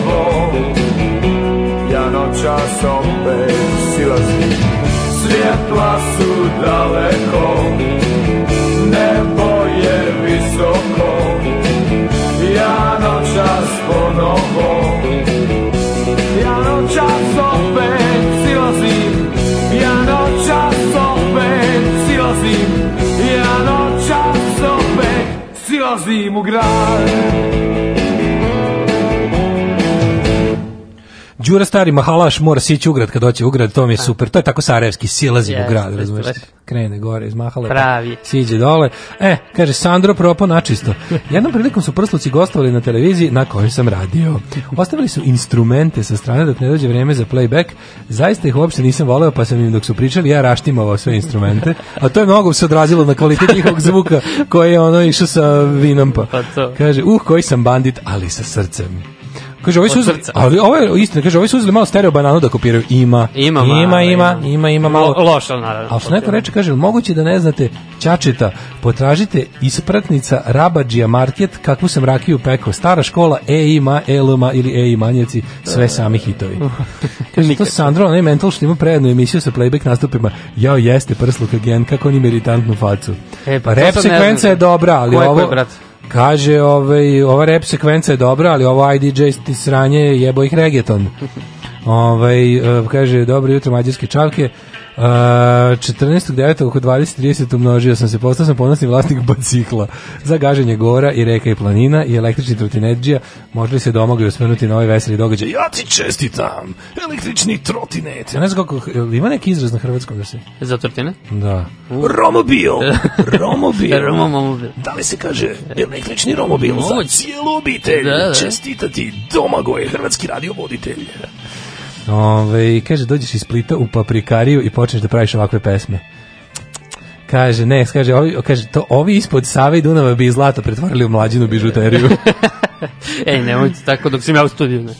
Ove, uh, joj, čekaj, kaže, Znam da nema veze ni sa jednom trenutnom pričom, ali sam morala da ovo s vama. Hodam iza komšije koji vodi svoju čerkicu u vrtić i jutarnja tišina kad komšija odluči da prekine, kaže svoje čerci u četiri godine, kaži loza, loza, majka ti je koza. prvo sam se, kaže, prvo sam se nasmejala, ali posle dve sekunde sam bila besna toliko da mene Ja bi se duže smejao, moram da priznam. Mislim, čovjek je toliko dosadno. Mislim, kom je da. on životnom stadionu kad ga je to iskreno raspoložilo. Kad ga je to iskreno da, raspoložilo. To je četiri godine. Kao malo da se onda. Hoćemo mi da vidimo, e, ćemo prvo ovaj prosci ili ćemo muralizam i renesansu? Hajmo muralizam. Ajmo muralizam, pošto kao treba da slikaju na... Teo sam da se osvrnem na problem muralstva u srpskom društvu. Mm -hmm. Samo da vidim gde je ovaj, evo ga. Uh, najveći mural u Beogradu biće oslikan na Dorčelu. To će verovatno biti najveći mural u Srbiji, pretpostavljam. Sad ga rade skice postavljena. Andrej Josifovski, pijanista. Pijanista će raditi... Da. To je najnetalentovaniji čovjek u istoriji uzimanje četkice u ruke i sprej ili čega već. Či meni je to neverovatno, ja ne znam čije on dete, ko je njemu. Či to je, znaš, koji su to blamovi? Kako on sa tim znači, prstićima, kako pijaniste, kako možete... Nije pijaniste, zaista, on, je, on, je, on sebe zove pijaniste. Znači, Aha, lik je odgovoran za sve. Bio sam pijanista. Lik je, od, znači, mislim da ga naši slušalci koji redovno prate ovaj, naš program znaju, to je nešto najstrašnije. Znači, on je odgovoran za one najizobličenije, najbangavije, kao one murale kojima odaje počast raznim, pa je on radio aha, iza. Znači, znaš, znaš kakav je. Znači, to je prosto, ja mislim da on, on sam platio. Mislim, ja ne, ne mogu da zamislim instituciju koja ovaj, bi stala iza ovoga vidim da je ovdje uređena nekakva ovaj, skica, mislim, znaš koliko je to. Još jedan zid će od 1. oktobra oslikavati i moj kolega Andrej Žikić Artez, to znači da će ovaj deo grada biti bogatiji za 1200 kvadrata oslikanih površina. A dobro, Artez je ovaj, da, njega znamo. Ali čekaj, ovaj, da, tvoj kolega, mislim, kako možeš, ne znam kako ne sramota se nađeš kolegom od ovog kog stvarno Da, da, neka je kolega. Imaće prvu, ali, znaš šta je genijalno, slušaj ovo, Andrej Josipovski imaće izložbu u SKC u pijanista 5 godina na ulici Zid i delo. U, A pet godina, na, šta to je to? tako SNS kultura. Znači, molim te, druže pijanista, molim te dok traje dok traju Opensi i evropske e, predstavnice kulture, dođi ovde da nam zasereš grad, molim te. Da- Osjećam, što su super, pošto on, garan, on je neki, neki mali buržuj, koliko sam skonto, jer taj o svom trošku pravi ta sranja. To je toliko ružno. Znači, lik je, A da, on, znaš je specijalnost? Da. Specijalnost mu je da dođe da oslika stvari za koje objektivno kao ne smiješ da kažeš ništa loše, ćeš ispati loš čovek. Aha, tipa, aha, tako neki Tipa, da. sada ću da oslikam uh, mural u spomen kao ubijenoj Tijani Jurić. I onda ja oslike i kažeš jebote, kao ono, nemoj ponovo ubijati. kao ono, ponovo je ubijaš na, na 100 kvadrata. Ne, stvarno nije bilo potrebe za ovim. I onda znaš, kao, kad, kad on to završi predstavi, rad kao, hvala.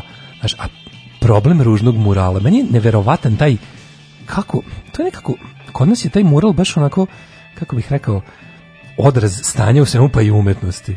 Ne znam da li pratiš ono post... znači imaš pa po Novom Sadu ima dosta ima likova da. koji su za znači ovi grafitaši iz ekipe neki paint kartel i ostalo znači mm -hmm. su mhm. koji su zaista talentovani kojima ja mogu da zamerim samo to što se isto jebu za dinar znači mm -hmm. prilike ekipa koja će za bilo koje pare slikati bilo šta. Da, da, da, I onda dobijamo užasno lepo urađene nacionalističke svinjarije, šovinističke, da, slobodno mogu da kažem i fašističke.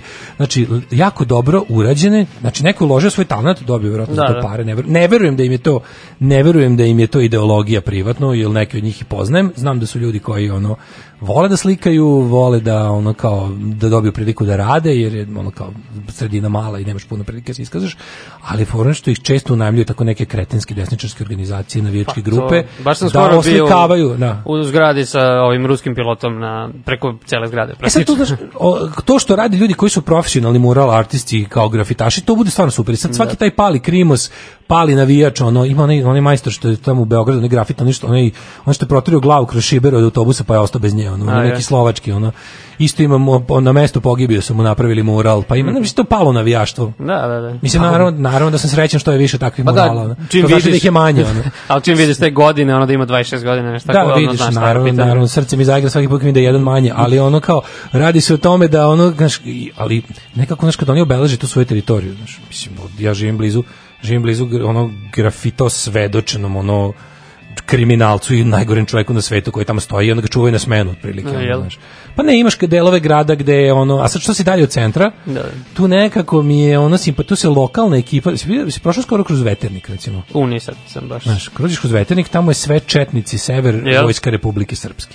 Znači, prođeš kroz ono veternik, misliš da si prošao kroz Bijeljinu 93.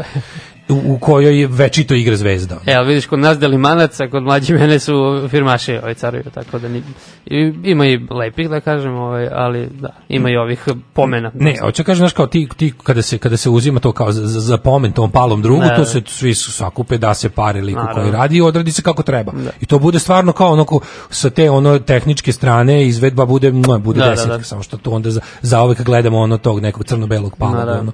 palog problema ali onda idu ovi drugi, drugi znači ova širica, gde su kao u fazonu da je malo preovladao entuzijazam nad, nad mogućnostima. E, onda nastaju ti ono, ruski pilot to koji izgleda kao da, da je neko polio kiselinom, da, da, da. ili ruski pilot nakon pada, ili, znaš, onda kao, ili, ali ti, ti ovi najodvratniji su ti, ovaj, ti, kako bih rekao, to kao Putin na zidu, uh, četničke vojvode ali novo naselje već. U novo, kad oziš da. u Novu Pazovu, čekaju te Draža i pa- Đujić. Ono. Ja? Da. Još nisam ni tamo bio. Prelepo, ono, znači kad ulaziš, dočekaju da, da te vedri likovi sve je uglavnom u režiji navijača zvezde. Mm. Onda imaš ono kao, ne znam, uh, uh, te rusofilske, pa onda imaš po detelinari u Novosadskoj, pa što ideš dalje u centar, to je nekako pada talenat, a raste nakaradna poruka. Mm -hmm. I onda mi ono, ne znam, ali se sad kao, i onda mi je dobro što je u okviru tih kao projekata umetničkih koji su idealni za, za pranje pare i ne. Da, da. kao neko se setio konačno posle milion godina videvši jel, lepe gradove po Evropi kako su neki gradovi bivše, bivše DDR-a recimo mm -hmm. ili ne znam su uspeli da se izvuku iz sivila tako što su umetnicima dali površine što jednostavno kako da uzmeš istočno nemački neki socijalistički projektni grad ono da, da. i malo ga okrećeš u neke življe boje to, to bude okej okay.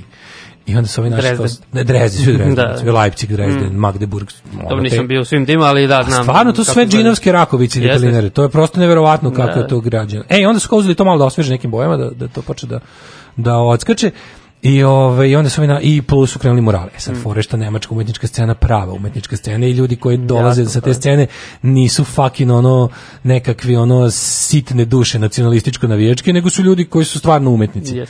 Ali onda se pojave ovi likovi poput ovoga. znači tako da mi je kao mur, kad čujem da će da se pravi mural. Pa bilo jedno vreme, e. ne znam, se primetio, Novi Sad je uhvatila isto bila manija, kao tih gra, od grada sponzori Ono da, što preko cele zgrade, mislim preko, ono, sa strane zgrade pa bude pa, kao... Kej je dosta Nešto propatio. šarenilo bude, da, da, da. Kej je dosta propatio, bio onaj, onaj tigar neki, majko, bože, Jeste. kome to da. treba, ono je stvarno, ono kao on majicu u Đovanju što smo kupovali, ono, Ško, to sam se pitao, znaš, u, tom, u toj ulupanoj vremena i resursi i para i ne znam ja čega, a onda je bila ova sad prisajedinjenje. Uf, uh, da, da. To je jako dobro urađen mural. Znači on je kralj Petar. Yes. Ja meni je žao što su ga na to, ali žali para. Ču, znači, do, znam, kao, znam čoveka koji je to radio, to je stvarno jako talentovan čovek koji mm -hmm. koji je dao sve od sebe i taj kralj Petar izgleda super zato što bi ja volao da on nije na fasadi, to nema veze, ali no, ne mogu da kažem to tehnički, izgleda, tehnički, da ne izgleda jako, jako, Jeste. jako dobro i to je zahtevno tehnički u materiju, to je Pošteno. baš bilo. E, da. imamo novi mural na, u Crnoj kući, ali unutra ne. Nije, e, pa nije to mi kaže, jel ti si tamo... Ono... Da, da, mislim onako crno-beli, ne, nema ništa konkretno, vrlo je abstraktno, neki da austrijanac da radio. E, e, da. I e, polazi da je mural, e, nego sad e, posle njega je došao neki lik isto, ima taj kao rezidencijalni program, oni dolaze ovde. To, to, to, da. da. I sad taj lik iz Beograda dovodi nekog e, Amera, stari neki lik, ja sam se ono javio i otišao dalje, sad ovaj mi sutra javlja, ne javlja, nego sutra mi pričaju. Kaže, znaš ko je bio onaj lik? Kaže, to je kao iz Denvera pobegao od Trumpa kad, kad Trump pobedio, on pobegao iz Amerike, žive u Bankoku, sad živi u Pančevu. Kao neće živjeti Trump u Americi. Lik je bio prvi bubnjar Foo Fighters ili tako nešto radio za Nirvanu omot za prvi album, za plakate im radio, tako, znači, cela ta... Oh, cela ta stari scena, liko. Da, stari. A Sub Pop i ta scena, kao da, da, da. Seattle. I radit će, ne, verovatno neku radionicu, će, biti u CK. Slušaj, ja to obožavam, još ja lično isto baš volim. kad, ja kad imam prilike, mislim, nisam dobar kao pijanista. Ali ne, znaš, meni je nevjerovatno, nevjerovatno mi je kad čovek uopšte nema kad, kad nema blama, kad nema, onako, da. nema uopšte, nema problem da, uvek se pitam kako ti liko, kako, kako ti niko sa pa strane ne kaže. U njegovoj glavi, da, to je verovatno niko nema da mu kaže. Mora ti on... pokaže kako radio Boru Čorbu. E, jedva čekaj. Znaš ti, kao, mlađe ja smo se valjali na podu, znači to odsustvo, ne, to, to, to nemanje pojma, da, to, je, da, da. to je prosto fenomenalno. Ono, Ali dobro, za Boru Čorbu super. Misliš da, misliš da, mislili smo da je, Znaš, kao da uradiš o njemu, kao o njegovom radu, to je baš documentary now. E. To je baš ono kao, znaš, kao, kako ti nikad... Jel li ispala baba čorba?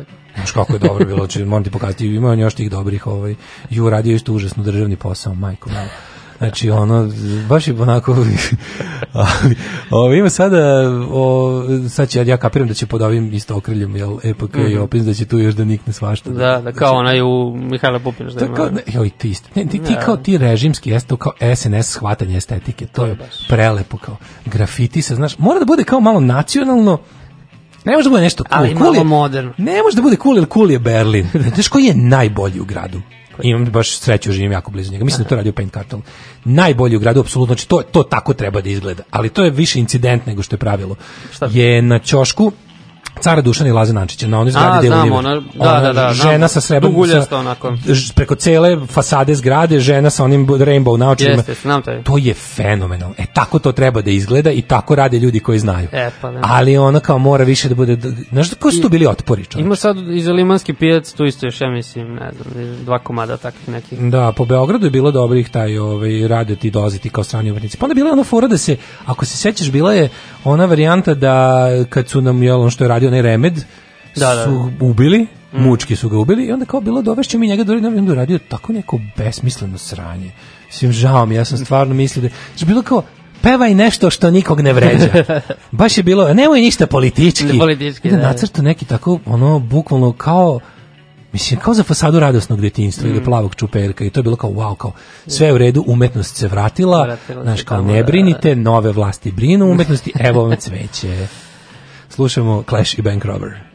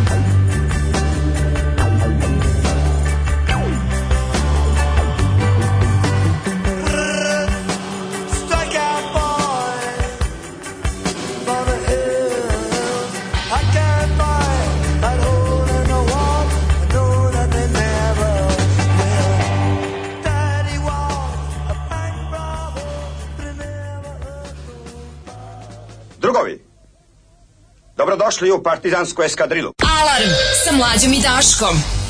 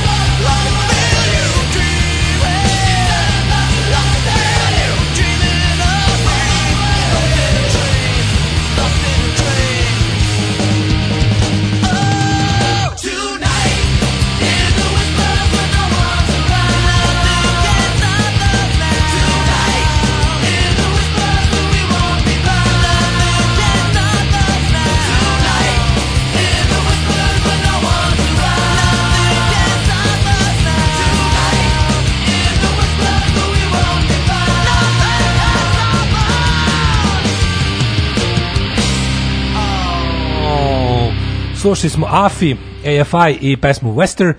Ove, kaže, Pančevo doma omladine je odličan mural, radio ga street art umetnik iz, pogodite, dakle, Berlina. Da, ovaj, sledeći put da mlađu zameni Bizon, Đole deluje Bensedinski na Daška, čuti dobro, ljudi, mogu ja da izgaram ovde svaki dan, baš, baš mi prija ovo mogu. E, bi volao sa Đukom, kafu sa da- Đukom. Da, da popimo kafu Đuka ja, kako bi to bilo smešno je. To je bilo nešto najbolje na svetu. Evo, recimo, to bi bio reality u kojem bi pristao da učestvujem za neke velike pare da radimo nedelju dana Đuka izmisli to, to, to. emisiju vodimo vladi zamisli to ej kada nam plati neko pare ali video mora biti pa video sedimo i radimo ovako isto da. O, jednako obojice imamo ono naš kao imamo da, tre, da. imamo ton ne može ne možemo jedan drugo da isključujemo imamo trećeg tonca pošteno mikrofoni rade i ono nema spuštanja reglera i e, pazi za 7 dana da bi mi za 7 dana došli do zajedničkog nečeg da kao da se mm. složimo oko ne da krenemo da ono kao da da, da upadnemo u razgovor koji nije neprijateljski možda u Dačiću Pa ne, da li bi nešto krenuli da priđe, on kaže ja volim, da kao ja mnogo volim da stavim Pavlaku u gulaš. E, da kaže, može e, to, kao, hrana, znaš, da, kao, da, da. i da krenemo da pričamo kao, znaš, kao, recimo peti dan, počnemo, da, da, znaš, da, da, peti da. dan već, ono. Ove, kaže, kakva pesmetina, sedim u kancelariji, radim kako je krenula, ni delit sekunde, već sam vidio sve kako skačem i trčim u random pravcu da nešto oslobodim. Ove, kaže, molim te, pijaniste uvaženi grafiti artist u Beogradu, gotivimo ga Milo Kalci. Ja. Pijanista se pre par meseci o trošku opštine opoganio po apatinu, naravno, strašno je neprihvatljivo reći bilo šta loše o toj muzgi. Ne, pokazivo mi sad Dašku da galeriju u toku pesme, ovo je bilo Šta kaže, zato, zato smo mi pustili dve da se oporavi. Ovaj. Da, ne znam šta Koji mi je. Koji ti najdraži? Meni, meni Tijena Jurić i Bore Čorba. I Đoković je prilično strašan. Đoković je jeziv. Teodosić je neki Teodosić, Bill Smith, sa, pa ono ne znam. Teodosić izgleda kao onaj, kao, kao, kao ona kaluđerica svoje, svoje voljno uzela da restaurira onog nekog Isusa iz 17. veka pa napravila onog to, to, to. krapinskog čoveka. Ove, ovaj, kaže, ne radi se to, osmo trošku skupe sortacije da se 200 evra za palog druga. Dobro. Ove, ovaj, e, idemo u... Pazi sada gde je. Samo moment da nađem gde sam namestio. Idemo u jet set. Ajmo.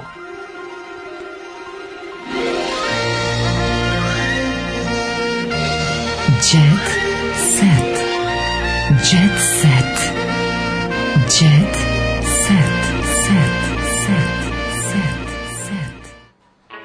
u, ja imam uh, blic scenu i za mene je to nedeljni praznik Jet Seta. E, a meni koristas, Ajde ti počni. ali pazi, prati me ovaj Anabela i njen bivši muž, ja ne znam šta je, u ponedeljak sam ne, bio. Ne, njih cede tako, razumiješ. Su oni svaki dan bili, nisam... Pa, verovatno su bili svaki dan, jesu, bili su svaki dan. Znači, ali to je glavno, to cede, glavno. cede nešto, ovaj se razvode. A ti jas napravio skandal u Pančevu, ja to pominjam u Pančevu. Kaži mi šta je bilo. Anabelin bivši muž divljao pijen u restoranu, nije mu sve domo. Što u Pančevu je dobar restoran u centru, je jako dobro, ne kako se zove, u centru centra, baš na onoj ulici tamo. Mm. Mnogo dobro jadenja, nije mnogo. Ja znam onu kafanicu pod Lipom tamo. U Pančevu? Da, da. To, to, blizu onoga polo centra. Je to na, nije na Tamišu? Ne, nije, nije. Ne, na Tamišu ima oni kafić sa onim ima, da. vagonima. Da. E, uh, kupe. Tako nešto kako se. Kupe, to je ku, kupe, prazan kupe puno dupe. Tamo smo svirali. E, super. Je to na Tamišu? Ja se ne sjećam da to na Tamišu. Pa tu je da. Kupe je kao vago železnica. Odme tu rekli. Sad ima tu neka pivnica nova. Tu smo svirali dobro. pre 15 godina. E pa dobro, ne znam da li to isto sad. I šta je radio ovaj Pančevo? E, napao konobara zbog 1485 dinara. To! Dobar ga nije napao zbog 1389 dinara. da, da. To je patriotski. 1485, da, to je već. Tako. Andrej vrištao po lokalu jer je u novčaniku imao samo 930 dinara, a ceko je napravio, ma da, e, šta je ovo? Zamisli kad dođeš, kad dođeš u kafanu, kažeš kao, račun je 1389 dinara. ja to ne mogu da platim, kao to se ne plaća. I kad napraviš skandal, kao za donesite još jednu rakiju 2450. ali, ali generalno što je Gagi dalje tu. E, evo, konačno, veliki transfer. Ne, umetnost, umetnost divlja na svim poljima. Znači, Biković postao član ansambla Beogradskog dramskog A, pozorišta. Sam to negde. To, kaže, e, slušaj ovo, Očestitam od srca Miloša. Znači, no, to, je njihov, to je njihov partijski Brad Pitt, razumeš?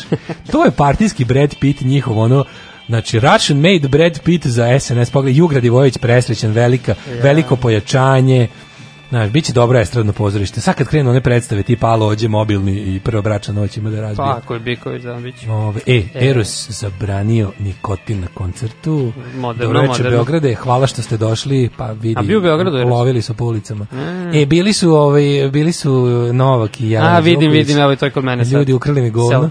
E, da. a si vidio da je e, Marka Janjuševića šokirao Zoki Šumadinac?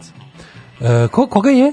Marka Janjušević je šokirao Zoki Šumadinac. Zoki, Zoki Šumadinac je na ivici da se ubije u realitiju. Mislim da to je još jedna od Ali, svinjarija Željka Mitrovića za koje treba da odgovara. Kaže, frapirao je sve u emisiji Amidži Show kad je otkrio da zna koliko je, duga, koliko je dugački polni organ e, Zoki Šumadinca. Ovako nešto nikad nisam sreo. Ovo je za mene bio pravi šok. Prenio je svoje utiske. Stvarno? da. Dodajući da je da sam traš. Zukić Umiljenci je onako mali, pa, pa na njemu, na njemu, da, pa da, na njemu peno, on s prosječan penisti deluje kao, razumeš, kao Lexington Steel. Ono. Trebalo bi da. Viš da, da, to su prednosti, ono, pred, kako bih rekao, da ne, da, da ne budem prednosti, da, prednosti čudnih proporcija, da se tako izrazim. E, e, kaže, voz je na Tamišu, a kupe je blizu, a kafanu pod lipom su sjebali narodnjacima. E, kupe, kupe, voz je kupe na Tamišu. A, dobro, dobro. Dobro. Moćemo četvrtak kada ljubimo baku utortak. Na da. Tamišu je voz, baš stoji kupe kao što ste vi u Novom Sadu imali, a kupe je blizu Tamiša, restoran u centru je vjerojatno Borneo. Uh -huh. a Borneo, meni kad kažeš Borneo, pomislim na ostrvo gde žive da. ljudožderi. I onda pomislim da se kuva da, da, da sveža detetina. E, uh, Filip i Milica, seksali no. celu noć, ne znam jo, ko su. jel jesu? Milica Kemez i Filip uh, Đukić, ne znam. Mm, Filip mi nešto tako poznat, ali ovaj, ona A gde su se seksali pa celu noć? Pa to je zadruga, zadruga. Aha, bez da. blama, e, toliko su opustili da nisu primetili da su izložili gledalcima svoje intimne delove tela. Najiritantniji vojitelj Pink. Ima zamagljeno ovde. Jel ima? Da, vidiš, pački. Mm, da, pa dovoljno mi ne, meni inače, meni inače, kako ti kažem, bilo je super da neko u tom, ti, ti reality snoša i su baš, kod, kod da dovedu Slobodana Stankovića da, da. da izrežira te scene, razumiješ, nekako je baš je pretiško mi bude. I zamislim, zamislim, on kaže, ja, ja, ja, ja kad bi mi, ja, ja neću da radim u ovim uslovima. Znači, bi, dođe, da, kad da bi, dođe, bio režiser ili kad bi, ne, bi bio taj akter. da, da. Kao, ja ne, mislim, stvarno ne mogu. Ono, ne, nemojte me pogrešno shvatiti, ali ovo je... Stvarno ne mogu bi rekao. pa, rekao pa, ne, rekao bi stvarno ne mogu. Nek smisle o meni šta hoće. Nek bude, nek, nek bude nije mogao. A sad to zašto ja nisam mogao, nek bude i to šta oni misle, ali ja ću znati nek da ja nisam mogao. Nek piše na grobu. Nek piše, nije mogao, ali neka, ovaj, kako se zove, Ja ću znati da je to zbog zbog socsko estetike. Ne, ne mogu taj neprijatelj pred vratima snoša ono. Ne, u parovima, znači u parovima, ej. Parovima, da, tamo tamo, tamo ono, posteljinu menjali zadnji put ono u prošlim parovima. Onda. Ja kontam tamo, meni sve, meni paravi baš deluju kao da će odatle, ako krene kolera, krenut će odatle, ono. Moguće, Znaš, da. kao kad puste nekog, ono. Antivakseri, da. No, da bio onaj dead set, kad oni, znaš dead set, što je Charlie Brooker radio, ono, epidemija zombija, pa oni koji su ostali u velikom bratu, kao mini serija. Oni su, kao preživjeli. oni su preživjeli, pa kao izlaze. E, ovdje bi bilo obrnuto, ovdje da, ako se da, desi, ono, treba ih zatvoriti, ono, contain yes, yes. ovu E, epidemiju unutar. E, ali Daško, Daško Podići zidove i staviti stražare. E, droge sam se odrekao. E. Darko Lazić o porocima, švaleraciji, dijeti. Drogi sam se odrekao, ali alkohola neću. Dobro, ne može sve. Pa misli, kako ćeš mržati ako se odrekneš droge? Ne, nije mjesto. A, pa kako to ide? A dobro, to, to je zavisi, kakoin. Zavisi šta. To je da, da. kakoin, to ne da, uči, to ne, ne znam. Nisam švaler, zanima me samo moja Marina. To, maturi. Ja, pa sad kad ne može. Najirritantniji voditelj Pinka Ivan, znaš ko je Ivan Golušin? Ne znam, e, baš, mislim možda znam po liku da je. Kakav, ono kao baš odvratni ljigavac. Verovatno znam bar lik. Odvratni ljigavac, baš ima bukvalno, ne znam, ono kao, mislim, e, Vojitelj Pinka Ivan Golušin predah između emisije koristi da se druži s koleginicama s kojima pravi interesantne selfie. Ivan Golušić predah, to mu nadimak je. Ivan Golušin predah, kakav ono piece of shit. Uh, aktualno. Aleksandra otkriva mračne tajne bračnog para Dragojević. Dalila je Dejanu zabranila da priča s majkom. Kako su lepi, kako, ovo je baš naš Ovo je kako, kako, kako našoj zemlji nedostaje dobra porno produkcija. Je. E? Toga vidi, ovaj, vidi kako je dobar trailer trash čovječ, kako da, da. baš vidi kako je to. Pa možda bi mogao Vučić nešto da poradi. Meni to stvarno neverovatno. Aj neki čovjek već stran... idemo korak sa svetom. Kakvi sve shit strani investitori dolaze? Što ne dođe Private ili Brazers ili Brazers, ili evo Legal, legal Porno nek dođe. To su braća Slovenije, Legal Porno je češka kompanija, najbrutalniji porničizam i lepo da ovi ljudi svi dobiju svako da, da ne kažem uhlebljenje, ali u, u, u, kurenje ili kako, kako da nazovemo ovo. No, ovaj, e, ali si vidio klika što gojela pčela na snimanju Žikine Šarenice? Ne, ne. Oj, to mi Šta, kao uživo? Pa kako je bilo jezivo, čoveče. Jel to ide uživo? Ne, ne na snimanju. Na snimanju. Ne, ne, izvinim se, ne Žikine Šarenice, nego samo Šarenice. Aha, ove šaren... žika, Šarenčeve Šarenice. Šarenčeve Šarenice. Kaže, kaže, bio sam na korak od smrti i još se oporavljam. Uletela je, ujela, ujela mu pčela, usta, ujela ga za krajnik. Još čovjek je ono alergičan. Ibro Selmanović. Ibro Znači, joj, jebem ti gledaš. Znači, ovo je... Dobro šta je Rokas i Freddy Valosa za, za, za alat kad je radio 90-ih. E, Ruška doktorka, Jakić se udaje četvrti put. Do, doktorka mi rekla, kaže, da mogla, mogu sam da umrem da je otišla pravo u dušnik. Kad sam završio pesmu, ljudi su se čuđeni gledali mene, odmah sam odvezli u bolnicu. On je završio pesmu. Stvarno, kakav profesionalac, znači, mi smo za njega... Kaže, nakon što je narodni pevač Ibro Selmanović doživeo nezgodno snimanje šanicu, odlučio da se oglasi i ispriča kako je došlo do ove dramatične scene. U trenutku dok izvodio pesmu Zvezda tjera meseca, to Zagoru ga zatjera. Ne, ti Zagor, ne ti Zagor polomi. Uh, zbog čega kasnije kaže, ovo ne bih poželio želeo najveći neprijatelj. Na poziv došao sam sa sinom na Jahorinu, pa, a i program je išao uživo. A, Izašao sam da pevam i vidim pčela ispred mene leti. Mislio sam otići će. Šarenica must go on. Šta, šom, šor must go on. Jer bi verovatno ljudi, pa kaže, nisam teo da teram da ljudi ne bi pomislili da nisam normalan. Da pevam i teram pčelu, pa gde to ima? Nije dovoljno što je šarenica. Ali broj je presladak. Nisam mogao ni da um, pomislim da će udavnuti, da će mu uvesti za krajnik. Uh, je, stvarno je pčela, ne znam. Zagrcao sam se okrenuo prema orkestru kako bi im objasnio da ne mogu da nastavim. Pokušao sam kašljanje da izbacim, nisam uspio uspeo ipak sam nekako završio pesmu, a ljudi su čuđe gledali u mene, potom su me odvezli u bolnicu na palama. A je, kaže, ljudi, sada kad progutam nešto, osjećam tu žauku u grlu. Verujte mi, to je osjećaj kao da je neko uzeo mačetu i drži mi je u grlu, kaže Selmanović, koji je dan nakon što je imao ovo nesvakišnje iskustvo i proslavio i rođen. proslavio. topla ljudska. Jako bitno što je proslavio rođen. O, oh, majko mila, šta imaš, imaš još nešto? Ne, mislim imam... Jako dobro, kod mene on... I, i, i šta kaže? Paparacu je jedino neki opteženima, da ne znam, neka... Jel podržavaš ovo šipkarstvo? Voliš, voliš šipkarke? To je umetnost. Ja, e, voliš, šip, šipkarke, voliš da. šipkare i šipkarke? Naše sestre. Voliš lepu šipkarku?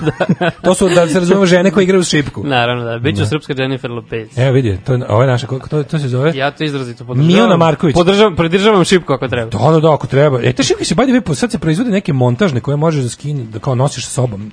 Nisu ono kao neki, ne zahtevaju veće građevinske radove da bi se... Ovaj, Može da, kao hladno oružje. Evo, kaže, vidi, ovo je taj, taj pol, to zove pol dance. Da, naša da, drugarica Una. Sport, stvari, Naša drugarica Una Sjenić je jako dobro tome ima svoju ovaj tu šipkarnicu gdje dolaze mlade šipkarke i igraju. Šiparice. Šipkarice da ne kažem tako. E Nada Obrić, Nada Obrić u kući sve popravljam sama. E, Nada, Nada Obrić ima, ne, znaš, koliko ona ima godina? Pogledaj Nadin stan, Nadin stan je ono tipa, ono imalo se para 80-ih. Da, da, da, da. Vidiš, da. malo fucnuti glamur. Malo da, to, to je Fucnut, Branka Sovrlić taj je. E, Branka, bravo, da, da, da. stan da. Branke Sovrlić. to je to. Znaš, kao sve ovo lepo, stilski namještaj Đorđević i ostalo, Jeste, bošnjački i novi dom. Ali vidi se, da- recimo, ali nije menjala TV od 80, da vidiš, kao nekim čudom još radi. Slatko ima uramljene ovaj, svoje uspehe i vidi velika vernikinjenja. Mm. Kujna je onako, e, kujnu su, kujna je modernizovana. Jel, jeste? Jeste, da, nema ceran ploču, ali ima ove ostale, ovaj, pa ovaj. Nada Domaćica sigurno. Nada Domaćica i za kraj uh, u komšiluku kod uh, Teodore Džehverović. Ko to? Teodore Džehverović je, sad gde živi Teodore Džehverović? Jebem li. Kažu da bivše ljubavnike sve češće dolaze nje, na, mislim bez veze, nema uopšte. Nema ono što smo navikli iz ove rubrike. Nije socka. Ali recimo, ovaj lepo je Lukić preduzela reality, otvorila dušu u smrti supruga, muž mi je bio siromah. Ja, jadna ona je. Aj zdravo. Aj ćao. Oh, you touch my -la -la. Tekst čitali Mladin Urdarević mm, i Daško Milinović. Viđenja! ton majstor Richard Merc. Realizacija Slavko Tatić. Urednik programa za mlade Donka Špiček. Alarm! Oh, you touch my tra-la-la. la la la